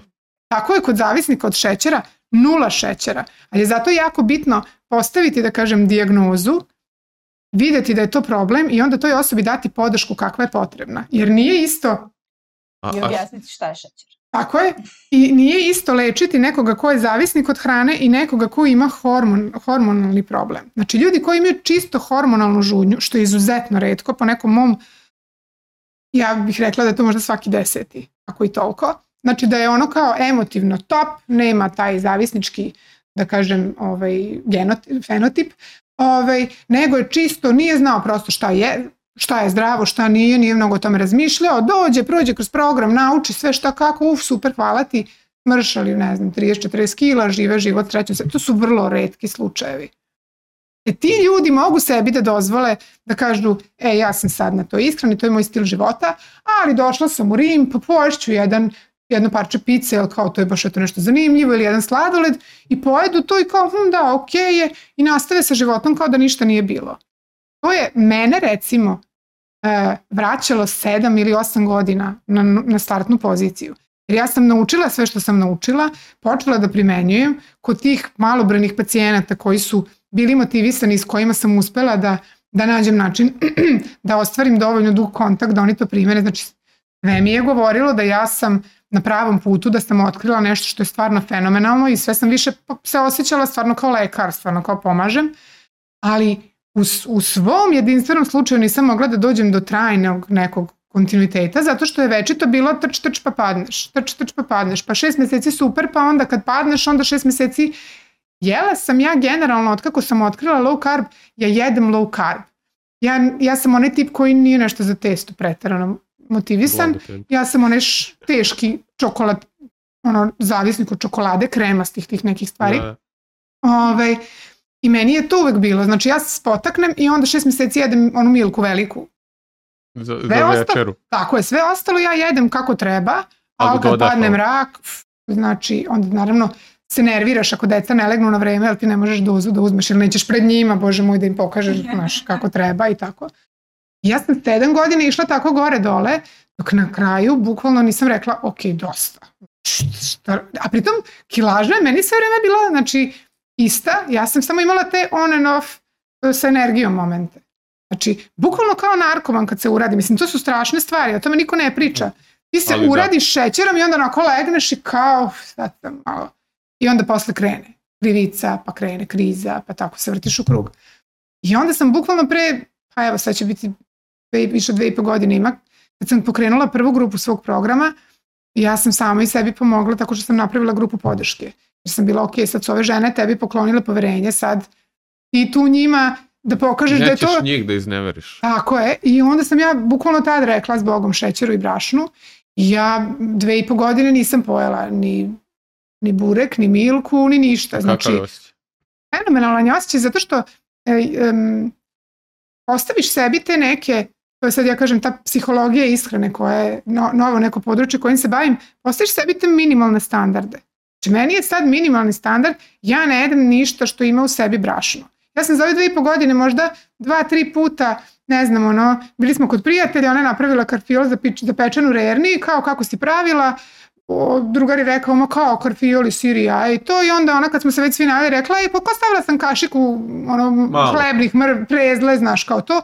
Ok, znači, što kaže, nasamarena, mislim ne namerno naravno, ali hoću da kažem, desilo mi se možda ko zna koliko puta da sam tako nešto pala da nisam znala, ali da kažem, e, stat ću samo, da sam nešto, pre, nema pregovora s teroristima, znači to je, to je taj američki princip koji treba primiriti, kada znaš da ti nešto takvu moć ima na tobom ako mu dozvoliš, jedino gde možemo tu našu snagu volje o kojoj svi pričaju kao sad ćeš ti to snagom volje da izdržiš, jedino gde ti snaga volje može moći jeste da taj prvi zalogaj da mu kažeš ne. Da, Ako si mu rekao da... ne, ne možeš da pojedeš jedan onaj smoki, Tako je, ne možeš. nego kad ne. ga otvoriš i poješćeš Mislim, celu ja kesu. kako poje kockicu čokolade, Da. znači da, kako da ne. Znam da je otvorim i da zgužvam ono i da bacim. Samo ako je bila jedna, onda da. Da, da, da, to da, ali onda ću već tražiti gde da nabavim još jer je malo. Da.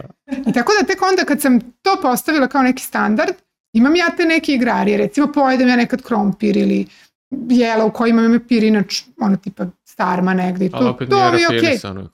Tako je, a i to nije moja droga. Ja mogu da pojedem juče krompir i da ga ne jedem sa šest meseci, da ne mislim o njemu. A da, da li te stvari, me, ja na primjer ako pojedem pirinač, Mm. sad si ga pomenula, ja posle pirinča imam, odjednom mi se upali lampica, sad mi treba čokolada. Pa da, ali to je isto sad taj rad na, na sebi i na upoznavanju sebe. Ja sam recimo to za taj eto krompir, isto što sam spomenula, skontala da kad ga jedem na neki način napravljenog, tipa pire više uopšte ne jedem. Mislim, pire inače ima glikemijski indeks milion. Ove, i ja sam skontala, tako par puta sam nekad, naravno ja pojedem meso i salatu i to kao i da probam, znaš i to. I onda imam te padove energije. Ja sam prosto rekla, ok, što meni ovo treba? Ne treba mi. Ili se recimo dešavalo da ona, ne znam, kad negde izađemo, pa sad znate i sami, ono kad si u restoranu, prosto biraš najbolje, pa sad kažem, nemojte mi donositi krompiriće, donesite mi salatu ili tako nešto, onda mi se desilo par puta zaboravim da kažem, oni donesu krompiriće i ja pojedem meso i salatu i onda onako bukvalno na kraju, kao, znaš, ko desert, pojedem par onih, skontam, šta je meni ovo, kao prvo natopljeno onim uljem, tačno ti ste, profiniti ste ukus kad, kad Da. očistiš receptore. Tako da, ovaj, e, kada postaviš sebi taj, kažem, neki minimum, ono što kažu, e, donosi odluke s kojima si ok da ih sprovodiš do kraja života. Znači, e, teško je odmah na startu reći do kraja života neću to, to, to, to, to, ali možeš reći, ne znam, do kraja života ću popiti čašu vode ujutro kad ustanem pre bilo čega drugog, a trudit ću se da u ovih nedelju dana pa sve to ostalo, jel? Pa onda kad neko vreme prođe, kad shvatiš da ovo ti je postala rutina, kao ajmo sad šta drugo. I tako sebi stalno nadograđuješ i penješ se i onda prosto nema nazad.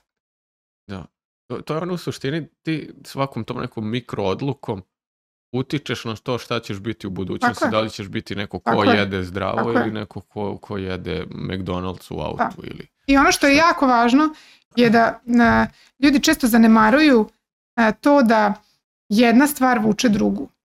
To je ono što ja vidim i što mi je posebna lepota u radu s ljudima na način na koji sad radim je što dobijam tu, da kažem, blago da, te, da vidim te njihove promene, gde ljudi krenu da, od toga da menjaju svoje navike u ishrani i onda kada vide da mogu, onda ne znam, tipa, ja ih učim kako da postave granice u nekim situacijama, da zaštite taj svoj novi režim, novi stil života, onda oni nauče da komuniciraju te granice i na poslu i u partnerskim odnosima i recimo odluče da krenu na psihoterapiju, da se još bolje.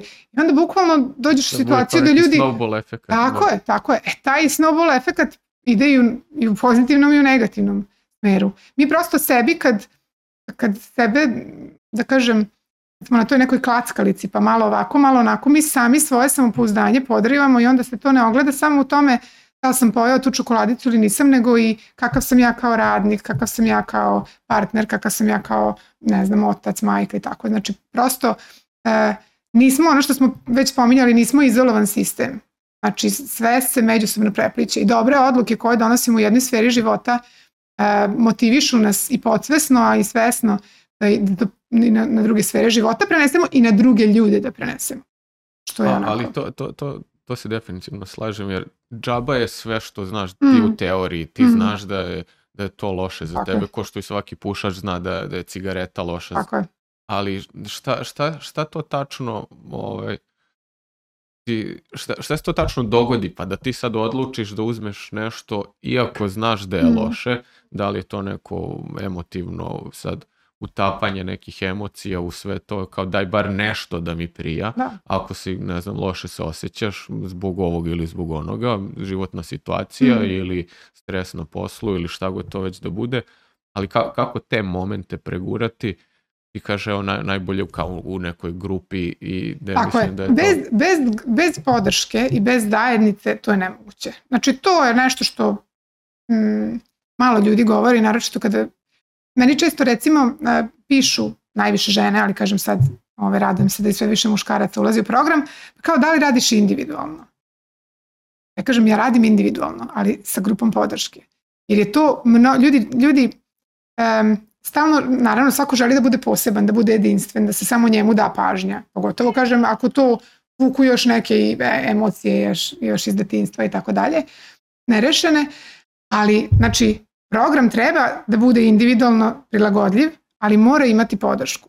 Jer recimo konkretno kod mene u ovaj veliki, što kažu program, tromesečni do godišnji, kada uđu e, ljudi, znači ja svakom od njih pregledam posebno nalaze, svako od njih popunjava poseban upitnik gde ja svakom od njih vidim kakve su navike, kakvo je zdravstveno stanje, kakvo je mentalno stanje, svako od njih ima tu uvodnu konsultaciju sa mnom gde mi sad to sve posložimo, ja njima objasnim da bi bili načisto to gde su, e, gde ih njihova genetika vodi, kako tu genetiku mogu da isprave, koje početne promene najlakše će da, nekome je najlakše da skoči ono cold turkey što kažu, sve menjam i ćao, nekome je lakše postup. sedam koraka tokom se, znači to prosto malo ispitam i onda ih u tom smislu usmerim i u tom smislu ih i pratim, znači oni svi imaju e, e, online dnevnike koje jednom nedeljno popunjavaju i dobijaju moj feedback i onda, ovaj, ali onda imamo te grupne pozive gde svako iznese pa neko kaže eto ja sam ne znam juče na poslu pojeo ne znam, Y da, i onda mi kaže ajde vidimo šta se desilo šta je prethodilo tome, gde je bio klik gde je bio, i onda bukvalno ljudi prvo Uče jedni od drugih. uče jedni od drugih, e, podržavaju jedni od dru, jedne druge, smanjuju pritisak kao pa da i on je samo čovek i ja sam samo čovek, to se svima dešava, ali i uče iz tuđih grešaka svi. I onda mi krenemo, jel, taj coaching deo, gde je ono kao, ok, šta, šta možemo da menjamo od tih faktora koji su se dogodili, da sledeći put ne dođe do tog. A, ve- verujem da ima i onoga kao, ka, ka, ako si sam u tome, Mhm. pa pogrešiš negde i onda ja, ja sam ovakav, daješ Tako sebi je. neke etikete, ja sam sram, loš tako je. čovek, ja ne mogu Tako to, ja sam je. propao sam Tako celog je. života, I pravim jedne sram iste su- greške. Stid i sram jesu nešto što uglavnom ljude vuče u pogrešnom pravcu, a antidot za stid i sram je konekcija. to je Da, ono i, i, al, to je ono, ako bi ti neko drugi došao i rekao ti, Mm, kao, e, pojao sam, ne Upravo znam, to. krofnu, ja sam sad najveće đubre na svetu, mhm. i onda ti neko kaže, ali nisi. znaš, Da, da, upravo to. A sebi to nikad ne govori. Sebi nikad, Da. prema sebi si uvek najstroži mogući, a ja mislim da je baš zato super da imaš Zato je novu kao zajednica, da. da. Zajednica je neophodna. I. I, kažem, onda uvek i neka ta neposredna podrška, to je isto nešto što ja onako ljude učim, da nauče da komuniciraju sa svojim najbližom okolinom na način da dobiju podršku. Mislim, realno, naravno, ako sad živiš nekim u braku, da se negde podrazumeva da ta osoba tebe voli i da želi da ti bude što bolje. Ali paradoksalno, u jako velikom broju situacija ti imaš da supružnik bude taj koji sabotira. Koji jedno vreme kao... Da, vidi ove šta je umislila. Da, da, kao- ili ono kao u početku super kao hoćeš da smršaš, bravo, podržavam te i onda posle dve, tri nedelje e, vidi šta sam našao na akciji tvoji omiljeni keksići, kao šta je sad ovo? I onda naravno da mislim ne možeš da odoliš ako si ovaj recimo zavisnički tip ili ako imaš taj moment da misliš da će sad taj tvoj partner da ti zameri i da misli Znači, više postoji razloga, ali ti onda to pojedeš, onda je to taj prvi zaloga i ode mastu propast i onda kao, ma dobro, kao, nema veze. Danas eto, će smr- biti ovako. Da, da, i onda Od te sutra bukvalno te neke stvari i onda kao, a onda može da, da, da to kulminira time da na kraju bude bukvalno svađa. Ti si kriv, ti si me isapleo, ja, meni je dobro išlo dok ti nisi, onda on kaže pa nije, ja sam, bukvalno da drama oko toga nastane, u stvari šta je suština? Suština da možda taj muž se boji šta će biti kad ta žena bude imala 20 kg manje. A ja, ja imam ovaj, pošto poznajem Ivana on ima što bi rekli poker face, ali ja Mhm. znam da ga pročitam i imam taj deo da kad ga vidim da je toliko nervozan, da ako mu ne kažem idi sad uzmi Mhm. tvoje omiljene krekere, smirit ćeš se Mhm. nakon njih, jer znam da ako za, odlaže to na narednom periodu, Mhm. onda će puknuti, bit će Mhm, katastrofa. mhm. I onda smatram da je jedan pakovanje tog dana Mhm. tih krekera bolji izbor, nego da suzbija sve što mu se dešava, pa da onda Mhm. uhvati nedelju ili više dana da jede šta ne. Da, a u stvari je najbolje Da. rješenje da vidiš šta ga to čini nervoznim. Naravno, je- da ne da. dođe do te... ka, ka, kada ne može da spreči da, da je nervozan, kada je posao takav. Da, po- Ali prosto- to je, znaš, to su ti te, e, taj trusni teren gde ti imaš, to je kao, e, mislim sad u teške neke teme zalazimo, ovaj, kao kada se neko skida sa nekih, ono kako kažu teške, mislim ne postoje lake teške droge, ali ovaj, recimo skida se s heroina i sad u kućnim uslovima, jel? I onda koliko imate situacija da najbliži srodnik da dozu, a evo samo malo da se smiri, Jeste. da pregura. Ali to je samo I, i, tu, zatrpavanje. I tu postoji taj efekat, na primjer, kad spomenula skidanje Mhm. droge. Da ljudi odu na reh- rehabilitaciju dve godine. Mhm. Bude potpuno čist, bez Mhm. droge, preporodio Mhm. se, naučio je tamo neki zanat ili nešto. Mhm. I sad, i vrati se u okruženje u kom je bio. Mhm. I sve stvar. I, i sve iz početka ide. E pa I, to je I to. zato je u, u neku ruku i bitno promijeniti o- okruženje i ja sad otvoreno priznajem da je meni mnogo bilo lakše u Kini da budem na keto Mhm. ishrani ili na low carb, Mhm. zato što i prvo imao sam podršku imao sam Mhm. podršku grupe, Mhm. čak i ti ljudi s kojima smo se družili i su bili u fazonu spremit ćemo ti nešto što ti možeš da jedeš. Mhm. Da je ovdje potpuno druga priča. Mhm. Mama zna da ja volim kiflice, Da. i, i ne, pre neki dan smo odveli Natašu Mhm. u kulu i rekao nemoj, sad ćemo da banemo, jer ako je kažem da dolazimo, Dočekat će me. kupit, znaš, on kupit će dve Mhm. kile brašna, napravit će Mhm. kiflice. I došli smo, e, što niste rekli, Da, nisam da, da ništa napravim. napravila. Da, da. I onda je Onda je uzela i uzela i pravi, pravi. dok, smo mi tamo sedeli, ona je pravila. Pa da. I on sad, sad glupo ti je da ne pojedeš, ono kao zbog Mm. tebe je napravila, zna da voliš i šta Mm. znam. I, I onda su te, te neke stvari mnogo teže i taj dan mi je bio katastrofa, Da, da, da. jer smo bili kao posljednji dan na poslu, idemo na kafu, ajde da jedemo nešto, šta? Picu, ajde, ajde kao, da ne budem ja sad tu, hoću steak. Picu ćemo. Da, znaš. da. Ali I, to je, i znaš, otišu kući i jedem lepinjice, ona mi se nije pravila kiflice, pravila one mekike. Opet testo koje Mhm. ja volim i ujutru se pro... Znači to je sve što sam pojeo za, Mhm. za, za taj ceo dan, jer ono ja se držim toga kao imaš te tri poluge, ovaj, kalorijska restrikcija, nutritivna restrikcija, da biraš kao Da, namirnice koje ćeš da jedeš, koje nećeš da jedeš i vremenska restrikcija. da, da. I kao ako negde škripi, povuci makar ove dve jače. Mhm. Tako da sam ja jeo u 12, jeo u 4 popodne, kao sad sutra do 12 ne jedem. Da, da, da. Znači, to je na neki Da, način da. to da izniveliš, da se kao da. balansiram, još ne volim tu reč. Da, da. I, I probudio se ujutru u 6, gladan, Ah. pojeo bi ovaj 100 sada. Ali ne, izdržao sam do 12 Da, da. nekako. Ali vidiš, bilo bi skroz ok da si uzeo i napravio neki dobar omlet, Da. nešto i kao, ok, sad je to za reset. A to sam htjela kažem, čak i kad mu kažem to da uzme krekere ili sad to što Mhm. smo jeli sutradan, smo mi se vratili na našu. Da, da, da, da. Tu je, Da, zato da. što smo zajedno u tome. I obično ako se desi da grešimo, obično merkamo jedno drugo da imamo će ovaj drugi propustiti. E, pa to je. Ako propustimo, Aj ti, aj ti. Da, da, pa to je, da. Ali Da, da, to sam htjela baš e, kad si krenuo da pričaš e, o zajednici i o tome, a, da kažem, ski- skidanju jel, sa droge van e, tvoje normalne okoline. To je jako isto moćna tema, znači nismo sami sebi dovoljni. Okolina mora da bude, moramo svoju okolinu da prilagođavamo svom novom načinu života. Recimo kod mene sad je aktuelan taj letnji reset. Jel? I onda tu ljudi to su neke rečenice koje, mislim, već mi je onako simpatične, znaš, kad kažu, ja, kao, sve mi to super zvuči, ali kao, znaš, ja ću na jesen. Sad je leto, sad ću ja, znaš, kao, idem kod, ne znam, rođaka na selo, ili idem na more, bit ću tamo, znaš, all inclusive, ne mogu ja sad tamo da biram, ili idem s drugarima na more pa zajedno kuvamo, pa mi je ne, ja kažem, da, ali to je upravo najbolji moment da ti kreneš da menjaš stvari. Znači, ok, ne moraš ih menjati sve odjednom, ali probaj, znači imaš priliku da uz podršku e, stručnjaka ti e, probavaš, padaš, ustaješ e, i bukvalno vežbaš kako da, jer ti kad naučiš, to ne uvek poredim sa vožnjom, e, ko uči da vozi auto tipa e, leto i ti sad kao naučiš, položio si vozački i sve, dođe jesen, krenu pljuskovi, ti kao ju ne mogu, znaš, ne znam, kroz vodu, nezgodno mi ne znam kako, sačekat ću, onda krene sneg, zapada sneg, jukli, ti na kraju voziš dva meseca godišnje ili manje ako je leto kao ovo. Znači, bukvalno, a kada uzmeš i u decembru polažeš vozački, znači ko je na klizavom terenu naučio, taj će leti da leti, jel, kao rakete. Tako da, izazovne situacije jesu u stvari nekad i najbolji način da mi naučimo, jer to je sve život.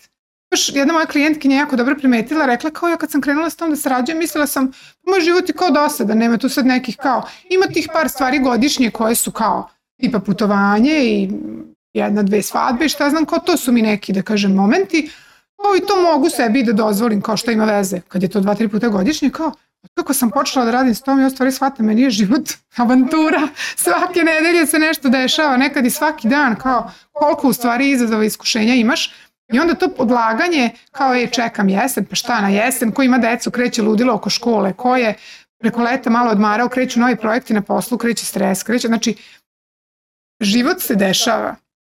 Ne treba odlagati uopšte promenu, baš zato je treba prigrliti i krenuti što pre da bismo imali tu slobodu energetsku, mentalnu, kako god zdravstvenu, jel, u krajnjem, da te svoje neke jel, avanture ili druge, ovaj, ko kako već definiše, situacije koje mu se dešavaju da stvarno najbolje moguće prođemo. Tako da ne treba, kažem, i leto je, eto. I, šta, šta je tačno letnji reset? Letnji reset je taj jedan light zdravo jedni program koji u stvari je uvod uh, u uh, eh, LCHF uh, eh, način ishrane um, gde uh, ljudi koji uđu u njega uče osnovne principe. Ja imam nešto što se zove tri zdravo jedi principa ishrane koji jeste najvi. To je u stvari ta kombinacija što smo rekli.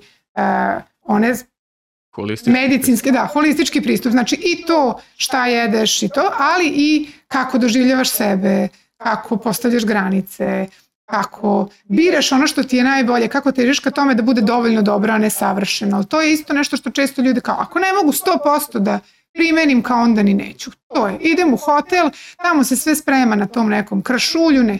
Ok, ali opet ako odeš u taj hotel, bolja ti je opcija da pojedeš kajganu ili ono jaje na oko koje je pred tobom bukvalno ispeku, znači vidiš da su čista jaja, i uz to uzmeš nešto od te salate što se nudi ili naučit ću te kako da napraviš low carb musli, nešto, znači ok, jeste to verovatno jaje i ta ploča je podmazana ko zna čime, ali to je dalje bolji izbor nego bela leba i margarina i džema da, sa šećerom. Da, da. Tako da, ovaj, te neke, praktično je, uh, on se zove letnji reset, uh, a u stvari je osnova LCHF ishrane sa primjenom u praksi, sa posebnim osvrtom na leto, znači na te letnje izazove, putovanja, restorani, svadbe, krštenja, uh, plaža i tako. I to podrazumeva taj grupni rad Na, znači tu postoji, ovaj, postoje snimljena predavanja na razne, da kažem, čitavo jedno predavanje o sladoledu sam snimila, Ovaj, znači predavanja koja svako prati svojim tempom, može da gleda koliko puta hoće, e, da prosto nauči i principe LCHF ishrane i da stekne te neke, da naučite neke cake kako da u određenim situacijama, tipa kako da se na svadbi recimo ne prejede, a da jede. Znači, prosto te neke, da kažem, cakice za leto i imamo a, još dva Zoom poziva koja su to. Dođeš, znači gledao si ja predavanje, imaš neka pitanja, usput si bio na nekoj svadbi, desilo ti se to i to, javiš se na tom Zoomu, Zoomovi nemaju ograničeno trajanje, prosto dok svi ne postave svoja pitanja, tu smo. E, evo, pitanje prvo, da li sme, ne znam, ovo za doručak, ok. Drugo pitanje, eto, mene su sad, ne znam, zvali na svadbu, kako ja, šta ja, šta misliš, I onda bukvalno taj coaching prođemo, kažem, kao ta neka, mislim, ja nisam psihoterapeut, mada svašta mi pada na pamet, Ovaj, ali ta, iz svog tog iskustva i ličnog rada na sebi i učenja um, kako da pomognem drugima kada su u igri te jel, emocije ili zavisnost od hrane, bukvalno dobio jedan kompletan feedback kako da u nekoj situaciji najbolje moguće postupe, jer to onda daje, to onda nije mučenje. Znači to onda nije ja sad ja idem na svadbu, a ja ne jedem slatko i to nego kao, wow. da, nego kao wow, ja imam plan, baš ću da vidim kako će da mi ide, zapisat ću ako mi negde bude škripalo, a baš me zanima šta će, znači kako ću da se osjećam posle. Pa onda imaš, ne znam, dve svadbe, na jednoj si brljao do bola, hajde nema veze, ajde ujutru sad da zapišem kako se osjećam. Aha, boli me glava, umoran sam, boli me stomak, naduta sam, muka mi je, ne mogu da se koncentrišem. Drugi put sam uspeo da, da imamo jedan poseban deo uh, kako da naprave plan, odnosno kako da naprave protokol za određenu situaciju. A više napravio sam protokol, baš mi bilo lako da ga sprovedem. Kao viš kako je nekad sitnica kao što uh, nemoj da sediš uh, okrenut ka stolu sa tortama, nego im okreni leđa, može da čini razliku da li ću ja povesti pet parčadi torte ili neću ni okusiti. I onda kao, aha, kako se osjećam tog jutra, u, ustala sama od sebe, ne boli me glava, imam energije, igram se s decom i tako. I onda kao, ok, aj sad te dve stvari uporedi. I donesi odluku. Da. To ne mora da bude odluka za ovo što svima zvuči wow. To može da bude odluka, ok, na toj jednoj svadbi godišnje ja ću tebi da dam oduška i spreman sam ili spremna sam za posledice koje taj dan nosi. Ali onda taj sutrašnji dan nosi te fizičke posledice, ali ne nosi posledice u smislu ja sam nikakav, ja sam nedovoljan, ja sam loš, ja sam, ne, ne, kao ja sam donela odluku I sad malo ću to da istrpim, da. tako je kako ja sam ta druga osoba, pošto sad baš mi je palo na pamet kod drugarice na Slavi, mm -hmm. jednom godišnje, i gde ja znam da njena mama pravi najbolje torte na svetu. Bukvalno je bila ove godine Miro meni u dubok tanjir. da, da, da, da. Da, da, da. da.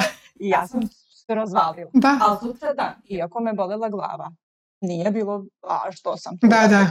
To je bilo sad, neće biti do sledeće. Da, da, da, da, da. Da, da. I to je nešto što ono kaže, um, za neke ljude, kažem, ti nemaš taj adiktivni potencijal onda u sebi kada tako može. Ivan možda ne bi mogao tako. Nikako. Ja ne bi mogla sigurno. Ja sam toliko imala trials and errors da stvarno više, kad mi neko kaže, pa što kao ovaj, jel misliš da sad, kao šta misliš da bi se sad desilo da pojedeš, ne znam, burek ili da pojedeš parče torte, kažem, ali mene ne zanima. Mene stvarno više ne zanima. Ja, ja sam to davno prošla, prerasla. Ja sad više imam ono, mm, ne znam kad imam, mislim ja isto imam da, ja kažem, svi smo mi work in progress. Svi mi imamo još nešto i to će biti celog života. To što pre prihvatimo i saživimo se s tim i naučimo da to posmatramo kao izazov, ne kao prokledstvo. Znači ja imam te momente e, kad sam premorena to kao ja sad bi, ono, ne znam, jedno vreme sam imala neki, imam neki recept za lava cake brutalan. Mislim, low carb je sve, je po, ja, po naški, guilt free tako. I onda sam par puta tako kao uveče, aj napriči to za večeru. Skontam, aha, čekaj, sad opet taj emotiv. Da, da, da. Šta bi sad, i onda, ali ne bude ono kao, e, ti, nego kao, hm, viš kao, ne znam, skontala, pa čekaj, opet si počela da ležeš u 12. Aj malo pomerimo, vratimo, legneš u 10, ono kad mi kažu imam problem s noćnim prejedanjem, kako se rešava lezi na vreme? to je to. Da, pomenula si letnji reset, mm -hmm. objasnila šta je u opisu ovog live-a, mm -hmm. kasnije videa, stoji link preko kog svi koji žele mogu da se prijave koliko to dugo traje, do kraja leta? Ili... Da, letnji reset u principu je ono uh, kurs koji prolazite sami, ja, u tempu koji vam odgovara, znači imate pristup svim sadržajima do 1. septembra, možete da pogledate predavanja koliko god puta vam treba, dva Zoom poziva su, jedan je 20. jula, jedan je 15. avgusta, oni se snimaju tako da ima smisla, iako on tip termini ne odgovaraju, možete znači da pitanja pošaljete na mail, ja na njih odgovorim live i vi posle pogledate, ili ako ne možete ceo live da izdržite i tako. Znači prosto vrlo je prilagodljiv, to zato kažem light je zato što je neće vam oduzeti neko vreme i sad kao, e sad sam ja na programu pa ne mogu ništa. Ne, baš je to poenta. Idem, putujem, idem u restoran, idem na svadbu, ali sad imam nešto što mogu da isprobam. Otkovan sam nečem. Tako je. I onda kada vi prođete kroz leto, tako, uvedete te neke promene, vi ćete na jesen, kada kao navodno ulazimo u tu rutinu, ovaj, a život nikad nije rutina, onda ste osnaženi da kao, pa čekaj, ja sam cijelo leto uživala, praktično naučila sam nešto novo u sebi, o sebi, primenila sam ili primenio 100% ili 20% ili nebitno, ili sam bar naučila pa sad mogu, onda je to mnogo bolji osjećaj nego kao posle leta kad se osvrneš i kažeš, ja, ja to uvek kažem, svi uh, uzimaju kao izgovor da kažem u slobodu. Nema me sad tokom leta, ljudi koji su, mislim kako da kažem, to nema veze ni sa obrazovanjem, ni sa čim, kao, e, super mi je ova tvoja priča, od septembra me računaj, kao sad ono idem na more, idem kod mame, idem vamo, idem tamo. Znači, to odlaganje ništa ti dobro ne donosi. Prvo, pogotovo ako imaš neke simptome. Znači, da li ćeš isto uživati e, na plaži, ako si ono stondiran kao ja, znači kupiš tu krofnu ili pancerotu, šta god na plaži i pojedeš i tako usput, znači ne pričamo o nekom planiranju, nego kao nisam se spremila, nisam razmišljala i onda daj šta daš i onda to pojedeš i onda legneš pod onaj suncobran i otprilike ne možeš ni da plivaš, ne možeš ni da se nervozan si, onda kao opet sam to pojela, već vidi i tako krenu da te misli. Znači imaš s te strane tu situaciju, pa onda naduta sam, pa ne mogu sad da se skinem u kupaći, pa svašta nešto. A s druge strane imaš da napraviš neke male promene koje će ti dati energiju, koje će ti izduvati taj balon iz stomaka i u krajnjem čak i ako ništa od toga ne urade, bar će ti dati, mm, kako da kažem, pomoći će ti da prihvatiš sebe na nivou na kom jesi. Ove godine se reset razlikuje od prošlogodišnjeg zato što e, u sebi e, sadrži i jednu radionicu koje pričamo upravo o tim nekim temama nejestivim, kako ja kažem, znači slici o sebi, kako smo je formirali, zašto smo je formirali, kako možemo da je promenimo, kako ona utiče na naše živote, gde pričamo o tom postavljanju granica. To je jako zanimljiv ples i to je nešto što ja kažem da neko čitav program uzme samo zbog toga već će mu vredeti. Znači da bukvalno naučiš da ti Ivane sledeći put nazoveš i kažeš mama mi ćemo sutra doći. Molim te nemoj da praviš kiflice. Ja sam odlučio stvarno da se držim ovoga. Znaš šta, ja se bolje, mislim to je tvoja mama. Znači ti njoj kad kažeš samo ja više ne jedem kiflice, nemoj to da praviš, ona će reći jo, ti ne, ali kad kažeš, znaš mama, ja to kad pojedem, mene tri dana boli stomak. Ja ne mogu da razmišljam, ja sam umoran, ja se, ne znam, viknem na dete zato što sam nervozan. Da. Molim te, ona neće, ne, nema šanse da će da, ih da, da. napraviti, razumeš? E to neko igranje, pa možda ti hoće, pa ćeš ti onda nešto novo da misliš. Da, znaš, da, da. bukvalno uh, to postavljanje granica svi nekako doživljavaju kao sad ti gradiš zid, ma ne ti gradiš odnose, to je fenomenalno. Znači, tako da, kažem, ta radionica se o tome radi i o tim, uh, tom planiranju, pisanju protokola, koji koliko god možda zvuče kao što sad meni protokol za leto, plan za leto, pa gde je tu sloboda? Pa da, ali ti kad isplaniraš tu svadbu od nule do sto, jel, kako će da prođe? I onda znaš sve, ti si došao na poznato, ti igraš, džuskaš, gledaš s kim ćeš da pričaš, ne misliš o tome hm, da li da pojedem ovaj. Jedno ću pa. Da. Ček, a, ne, ne, neću jedno, nego ću pola od ovoga i pola od ovoga, onda to pola naravno je tri četvrtine, pa a ovo ću samo da liznem. E, pa, pa sad. Tako je. Nego ti imaš plan, rekao si, možda je u tom planu i poješću parče naj, čokoladne torte koja mi najlepše bude izgledala. Jer je čokoladna torta my thing i ja hoću sebe da... Ok, ali ti imaš plan i da vidimo da li će taj plan da, da drugo, ti uspe. Drugo je kad ideš ono kao nasumično da. pa da, daš sebi sve. Tako je. Tako da kažem, I oni će... Sad, sad da. još jedna stvar. Samo da je opadnemo ovde što ti ovog plana. Ja sam imala prošle godine prvo, vratili smo se iz Kine. Mhm. -huh. Drugo, kad sam ja otišla u Kinu, ja sam ostavila moju prvu generaciju đaka u drugom razredu, završili su drugi razred tada, oni su sad bili maturanti mali, mm -hmm. osmi razred su završili, mm -hmm. mene su zvali taj dan, to, to večer na njihovu proslavu malne mature. Ja sam taj dan još nedelju dana unapred bila na dva, tri dana na omotu. Mm -hmm. Ja sam jela kod kuće i znam kakva će biti hrana po veče.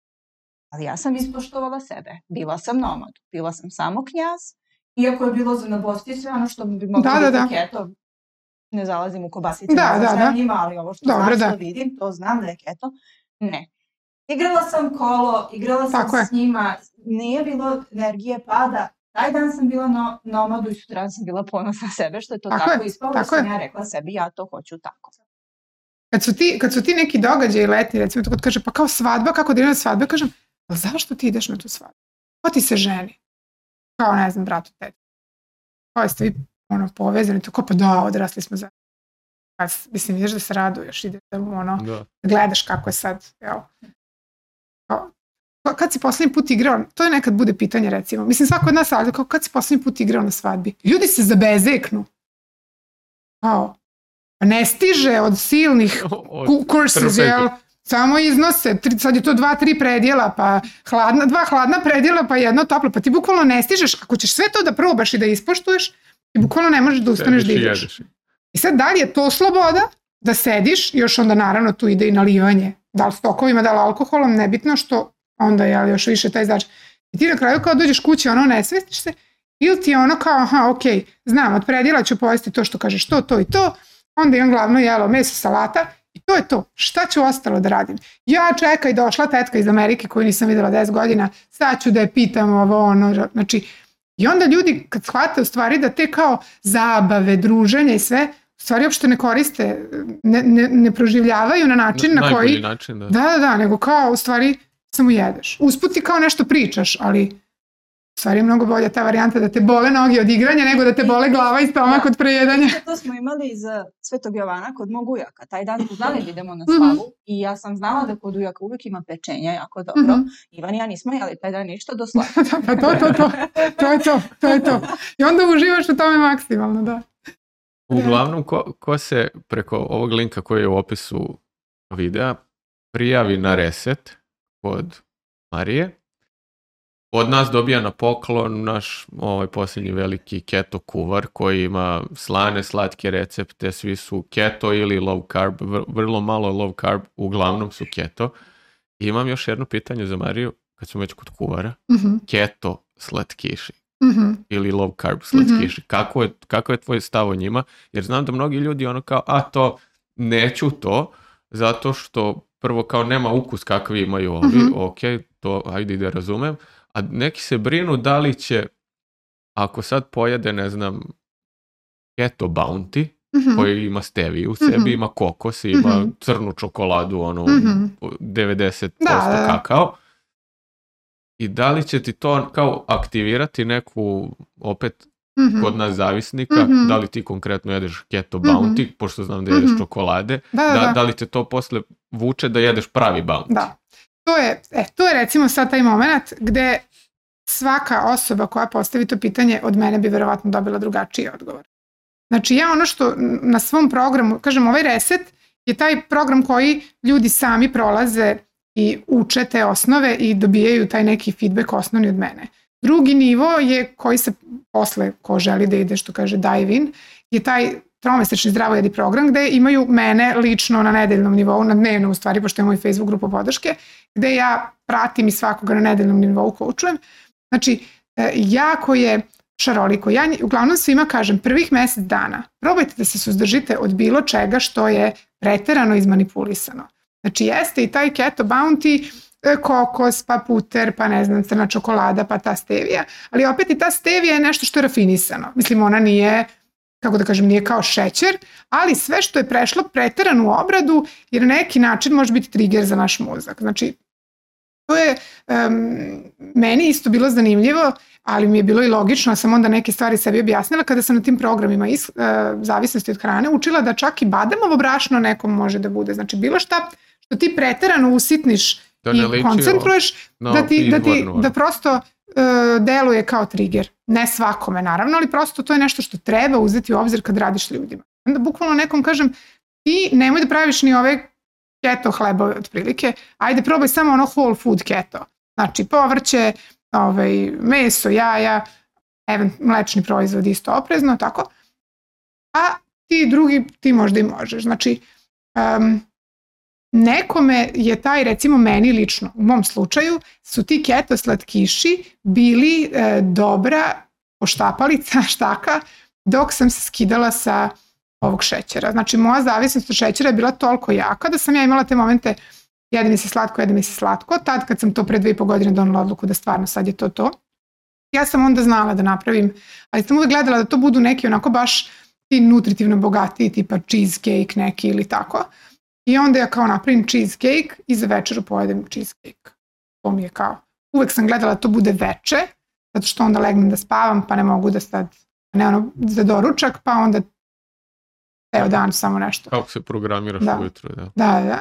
Tako da sam imala te momente da kad mi se, onda sam počela da razređujem, ali vrlo brzo je moj mozak mm, prešao, nikad mi se nije tražilo konvencionalno slatko, to hoću da kažem. I dan danas kad mi se kao prijede nešto slatko, jede mi se, jede mi se, ni u najmanjem procentu više nema da pojedem ipak nešto rank. Bukvalno ne, nego bude jo, koji će sad praviti ono lava cake.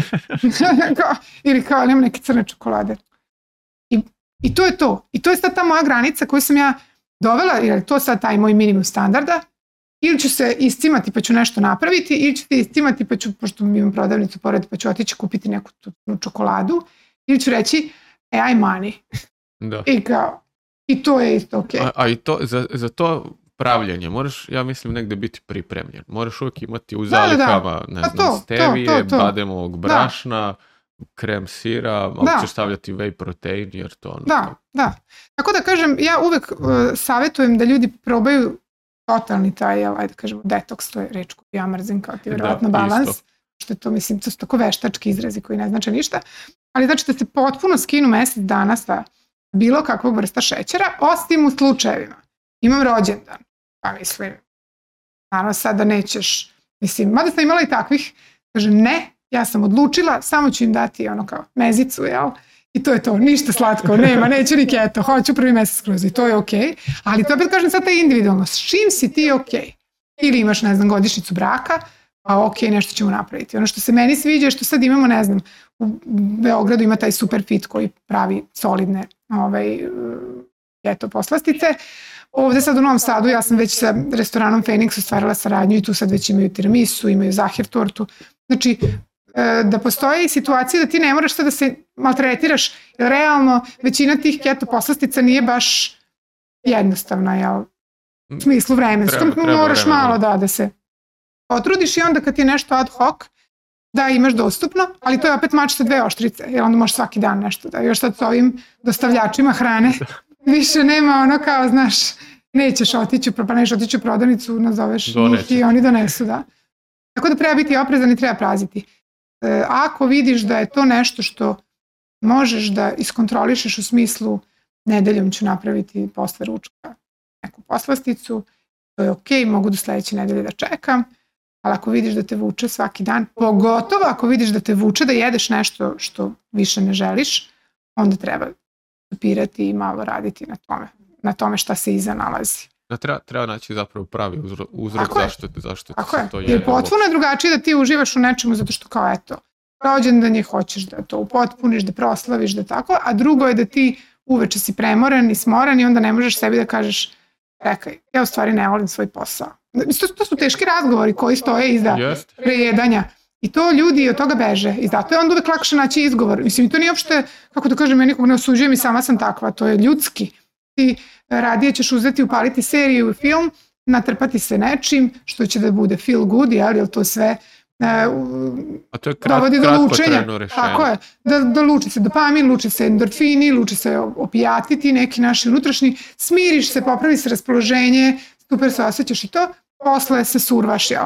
Ali je mnogo lakši taj uh, quick fix, da to sebi daš, čak i kad osvestiš da ćeš posle da se osjećaš loše, zato što ako ti izbegavaš razgovor koji ti govori da ti nisi više srećan u vezi u kojoj si, neke stvari kod tvog partnera smetaju, a ti ne znaš da iskomuniciraš ovo zato što se bojiš da će te ostaviti, da ćete se posvađati, da će ne znam XY, ili osvestiš da nisi zadovoljan na poslu, da iskonski u stvari želiš da radiš nešto drugo, nešto što možda čak nisi se za to ni školovao, to su tek jako potresni momenti ili onda se osjećaš kao ti neko izvuk od tlo pod nogama yes. i kao šta ću sad?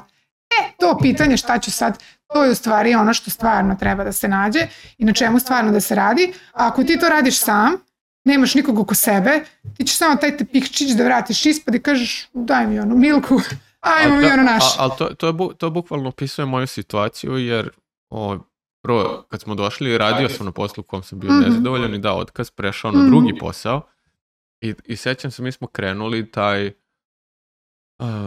keto izazov kad sam ja počeo da mhm. radim u školi zajedno mm -hmm. i mi smo ceo februar bukvalno bili 28 dana na, na keto mm-hmm. ishrani, to propratili koliko košta i ovo, da, da, i, to sve, sve, sve smo to odradili. I onda je došao mart gdje sam ja opet kao mislio sam bit ću zadovoljniji na ovom novom poslu mm. gdje nisam bio mm. onoliko koliko sam se nadao ili prosto su iskrsle neke stvari. Mislim ima tu sad i pozitivnih i negativnih no, stvari tog posla, ali ove negativne nekad prevladaju. Da. I ja od onda bukvalno niti snimam ovo jer ono što mm-hmm. kažeš sramota me je da, da, da, da, da sad ja odem na posle svakog ručka koji je keto, ja odem pa kupim da. ono sneakers i ja sad kao tu da nekom objašnjavam kako šta treba da jede, jer se negde sam ne osjećaš, a u suštini ono čime bi ja htio da se bavim full time je ovo. Da, pa jasno. Ali imaš ono, imaš da, da. stanarinu, imaš troškove, e, pa zato kažem, imaš zato ovo, je taj rad u stvari na sebi nešto što čeka da. da mu se posvetimo. A sve dok to zatrpavamo nečim, nekim ponašanjima ili hranom, to Tako da, i još jedna od stvari koje si ti ovaj, pomenula i ono kao promjena sredine sve, ali na primjer mi smo juče uzeli razmestili ceo stan. Meni je nekad dovoljno to da uradim, mhm. Da, da više nisam u istoj sredini u kojoj sam bio mhm. juče, samo zato što mi kauč ne stoji tu mhm. nego tu. I, I onda nekako lakše ti je da uvedeš i neke druge promjene u to, jer nemaš više asocijacije, lupam, sedeo sam ovde kad sedim i jedem čips, ne jedem čips, ne volim čips, ali odvalio sam sad. Ali sad više, ako sam pomjerio krevet, nije ta ista atmosfera da, koji je onaj što više u autu. Kao tako nije je, dok vozi, tako nego... Tako je, ne možeš ti sad promeniti sve odjednom, sad kaže to što kažeš, bilo mi je lakše u Kini, pa ne možeš sad vratiti u Kinu, prosto nije situacija, ali možeš ovdje da napraviš svoj kineski ambijent. Kineski zid. da, da, nešto da ti bude, jer jako je velika moć nas da utičemo na okruženje, i tu isto kažem kome, kome prati već i duže ovaj, navodim taj primjer dok sam radila u domu zdravlja uvijek je bilo šta ćemo za doručak naručuje se iz pekare kada sam ja prešla na low carb ja sam počela da donosim seckanu domaću suhovinu neki krastavac paradajzi kuvano jaje i tako ja to jedem ništa ja nisam tu sad kao e, evo da ja vama kažem jel, prosvetiteljka došla, ne, nego sam ja to prosto onda onako ja kao koleginice, kao šta ti je to? Onda ja kažem, pa tako, je, viš, kao što je to da, a što, onda neko pita, zašto? Neko samo kaže, posle nekog vremena, sad ne mogu da lupam, ali mislim da oko 50% ljudi počelo da donosi, možda ne svaki dan, ali bar jednom, dva put nedeljno, nešto drugo. Nije to bilo low carb, možda je to bila domaća ovsena kaša, nepitno, ona jeste dalje, ali opet nije kršina iz pekare. Znači, ono kao... Najgore moguće. A ja pritom samo sam bukvalno bila taj kamenčić koji je pao u vodu i oni su krenuli. Bravo. Tako da to je u stvari najlepši deo. I, i sad ti, ti si rekla još devet godina na, na low carb. Ljudi, ono što se ljudi, ono što se ljudi brinu, kao, koliko ja to dugo mogu, a, a da ne riknem, jer znaš ono kad si u, ovom, u kalorijskom deficitu, onda ne možeš to baš dugo, možeš mjesec dva da izdržiš, kao, daj gladan sam, ovo sada hoću da, da, da jedem. se to prosto, da ili bilo koje imaš te neke detoks dijete, mm. sedam dana jaja i to se zna, možeš sedam dana da jedeš jaja i posle toga već i kritično, koliko dugo može mm. keto low carb. To jeste u stvari jedan od razloga zašto isto ljudi ovaj, ne vole prosto promene, naročito kažem, eto sad leti, pa još mi sad fali dijeta, pa ne radimo, ovdje nije dijeta, ovdje radimo mincanje fino, prebacujemo te i tražimo tvoj ovaj, savršeni tvoj protokol. E, ono što je uvek jeste jedan od jedna od najvećih zamerki e, ljudi koji su kritičari low carb keto ishrane kao da li je to bezbedno na sigurne staze. Pa, mislim, imamo sad te neke posredne i neposredne dokaze da li je nešto bezbedno ili ne. Recimo imamo vrlo neposredne dokaze da, dokaze da ovo kako jedemo trenutno nas ubija i da ako budemo jeli po zvaničnim preporukama, ranije piramida ishrane, sad je taj my plate ili kako god. Znači ako jedete tako i ako jedete ono što vam servira prehrambena industrija, Znači svi ćete sigurno imati insulinsku rezistenciju, bez obzira na gojaznost ili ne, svi ćemo imati neku hroničnu bolest koja nas onesposobljava ili ubija, verovatno u mnogo ranije u životu nego što bi to želeli, nego što smo genetski kodirani.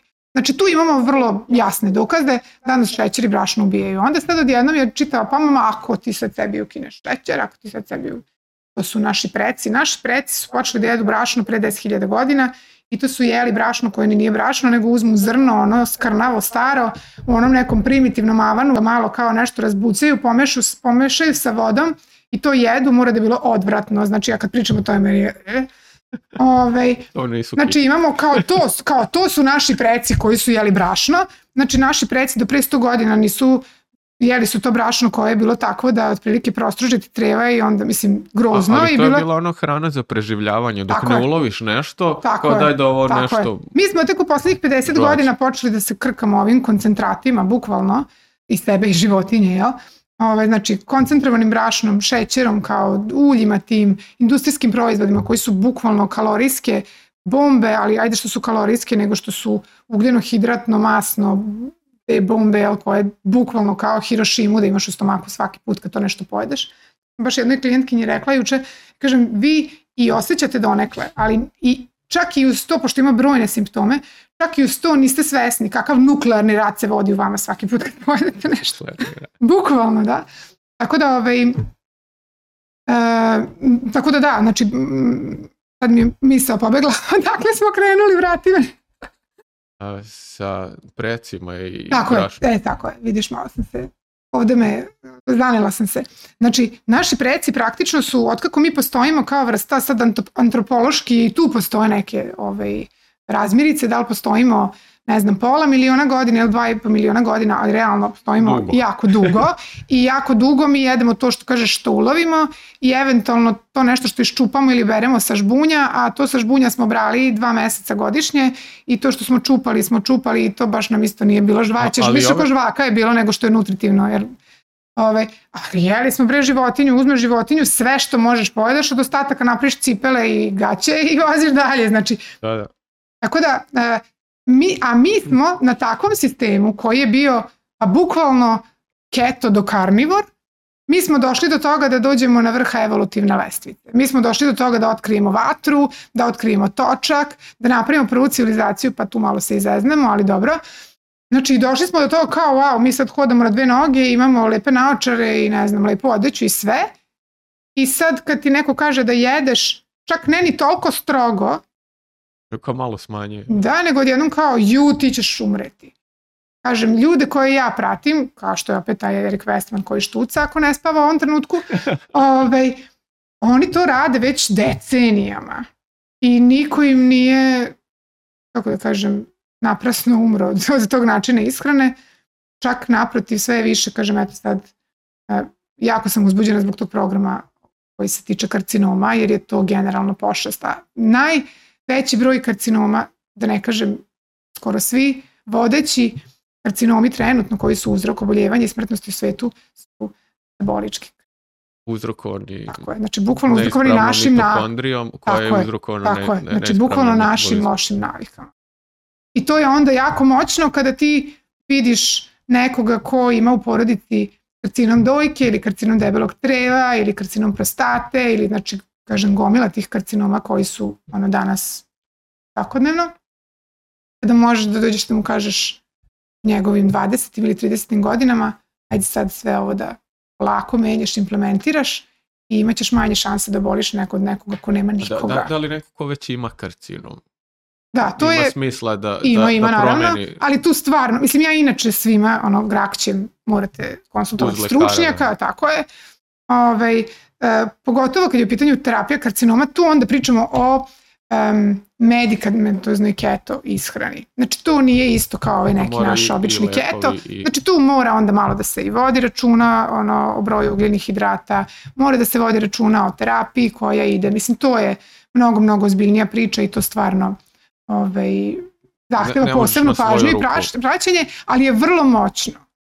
Recimo, jedna baš doktorka sad sam je zaboravila prezime, Sara se zvala, ona je isto dugo godina se bavila low carb ishranom, ona je obolela od karcinoma mozga i e, kada su joj postavili diagnozu, e, rekli su bukvalno mesec, dva, mislim. Ona je više od pet godina živela i aktivno radila. Znači, neverovatno, bukvalno ono čudo medicine.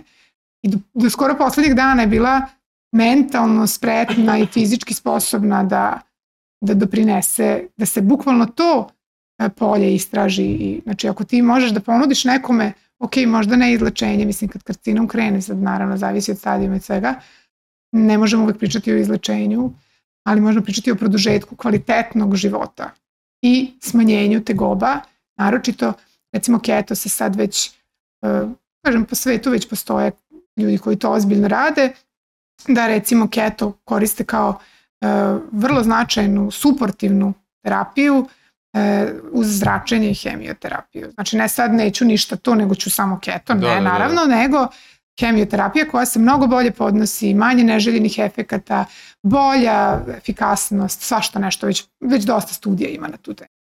Da, to, to sam slušao Pitera ti u, u jednom podcastu, mm -hmm. on je pominjao, radili su oni tamo neko od njegovih prijatelja radio istraživanje baš na, na, ovaj, na karcinom, mm -hmm. na mhm. ljudi kojima su oboleli od karcinoma, mm -hmm. igrom slučaja žena tog njegovog prijatelja imala karcinom mm -hmm. i učestvovala u toj studiji mm -hmm. kao ovaj, pacijent.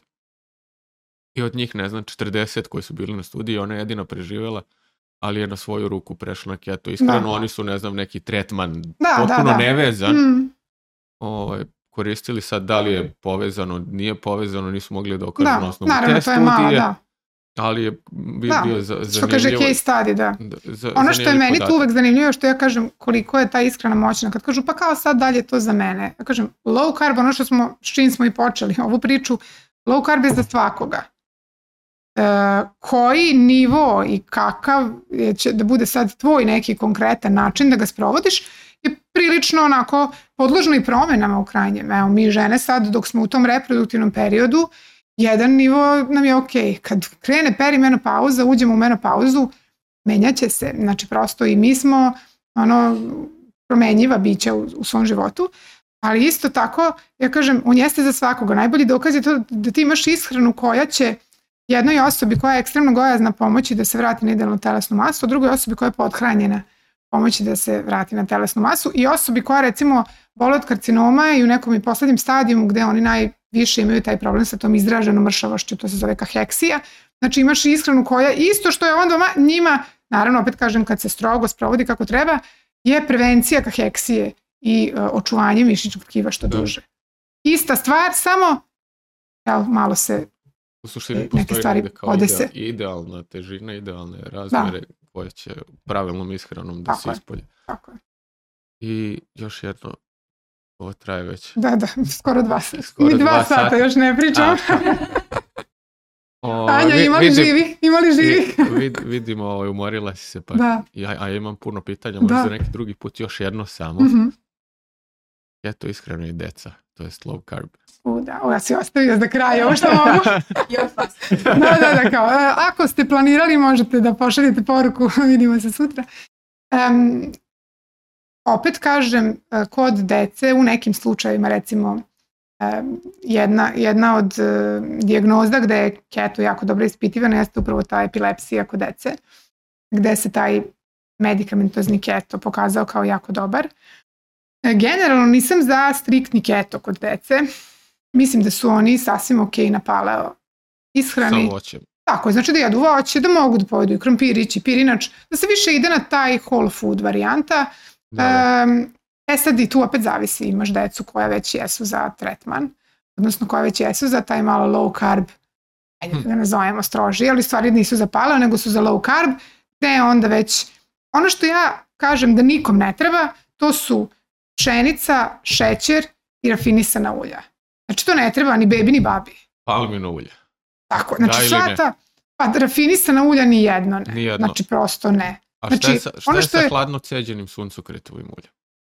Generalno i ta hladno ceđena biljna ulja, osim maslinovog, su zbog tog svog odnosa omega-3 i omega-6 um, lako i podložni, lako su podložni oksidaciji i tako tim nekim stvarima, ja njih uglavnom, ne, mislim, ne uglavnom, nego ja njih ne preporučujem. Znači ja ono, mast, puter, kokosovo ulje i maslinovo ulje.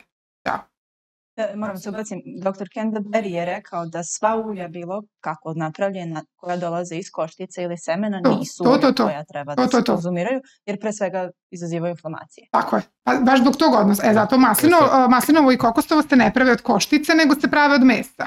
Da. I zato je ovaj... Znači, de, da, da se vratimo na decu. Tako je, znači decu, mislim, to je sad jako uh, sveobuhvatno pitanje, zato sam se nasmijala, zato što deca su posebna kategorija koja mm, su u vrlo nezavisnom položaju danas. Prvo, s jedne strane, roditelji žive užurbane živote, a onda vrlo često ishrana dece je takva zbog toga. Opet kažem, nasuđujem i sama sam takva. Da, da.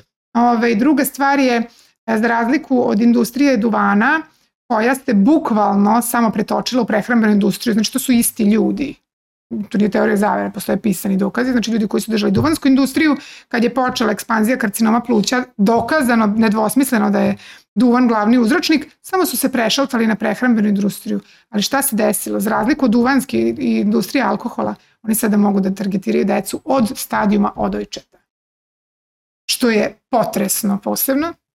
Ovaj, tako da e, je jako teško decu zaštititi jer ti e, imaš E, keks koji je obliku patrolnih šapa, oni vole jako patrolne šape i niko neće napraviti pakovanje organskog brokolija, opet se ja vraćam na ovaj brokoli, gde će biti Chase koji drži brokoli i kaže bravo jedi to, znači nikad, ne, ne, ni jedan. I Superman, da, Popaj koji, eto, sranili su ga sirotak. Znači, ti imaš i, i Supermana i Batmana, lupam, ne znam nija koje sve te, koji su na tim njihovim žitaricama i kao da budeš bukvalno im najgrđu moguću opciju serviraju i to je dvostruka uh, strahota. Prvo zato što roditelji uh, ti kao roditelj i kao obič, da kažem, običan čovek koji se ne bavi medicinom i ishranom, nisi dužan da znaš uh, da li je to stvarno zdravo ili ne, nego tebi neko servira tu informaciju i tu je prosto prihvatiš. Kad bi se svi bavili svime, ne bi niko ništa uradio. Znači ti dođeš kod lekara, pedijatra koji ti kaže daj detetu ove žitarice i ti daš detetu, mislim ja sam to prva radila sa svojim najstarijim detetom. Daš mu te žitarice, ne, ne dovodiš u pitanje. Onda Tako nešto... Ove baby formule su onog kritičnog sastava. Da, zavisi kako koja, ali da. Ove, oni često imaju sojino. I... Kašice, da. I onda sam bukvalno u jednom trenutku samo pročitali kao sojino ulje, sojino brašno, ne znam ja što je, ko šta je, onda vidiš kao šećer, kao kontaš da je ti do godinu dana nikomu neće I onda kad kreneš tako da odmotavaš, onda bukvalno sve kreneš da dovodiš u pitanje, to je onda onako prilično strašno. Ali ovaj, da skratim priču, znači generalno je teško zato što su deca svuda targetirana i ti ako svoje dete pokušavaš da zaštitiš, ti si ludak. Znači, ako dođeš na rođendan i kažeš moje dete neće jesti tu tortu. Neće piti sok. Neće piti sok, to je onda katastrofa. Mislim, em što se to dete osjeća grozno, em što ta druga deca ga gledaju, nekad mu se rugaju i tako svašta nešto. I onda je to igranka bez prestana.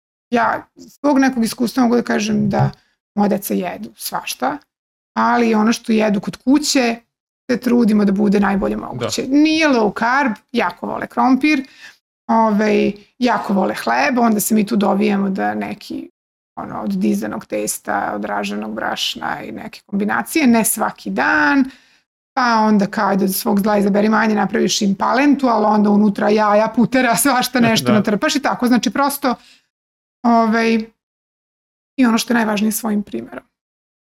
To definitivno, da, svojim. Dobro, E, moram ja sad da ispoštujemo, ima dva pitanja, Aha, ajde. još tamo, još s početka. Kaže, u čemu je razlika između heroina i kokaina?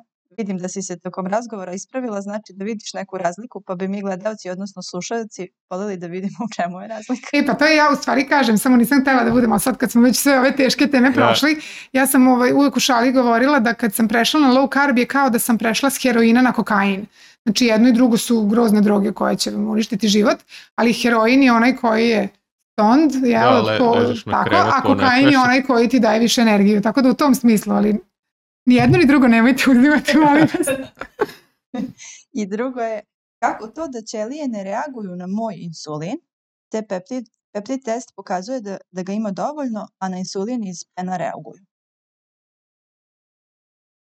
E, Pa zavisi. Sad to je onako zataklo je malo pitanje pošto zahteva kompletan pregled medicinske dokumentacije i uzimanje anamneze, tako da ne mogu ovaj, konkretno da odgovorim, ali eto može ta osoba na zdravojedi at gmail.com da mi pošalje malo širi kontekst pa ću onda odgovoriti jer ovako, ovako imam premalo informacija da bi mogla da dam smislen odgovor. Još jednom letnji reset u opisu dole videa i do, ako naručite preko ovog linka dobijate i naš kuvar. I možete da se pridružite bilo kad, možete da primenite bilo kad ovaj, i sigurno će vam ovo leto učiniti boljim. Tako da ćete imati i ovu teorijsku i Sve. emotivnu podršku i moralnu i imat ćete praktično šta yes. tačno da kuvate i da yes. spremate sebi. Hvala Marija još jednom na gostovanju. Sledeći put ćemo valjda ispod dva sata. Može i tri. Nego vidim da se umorila. da, da, hvala. Ništa.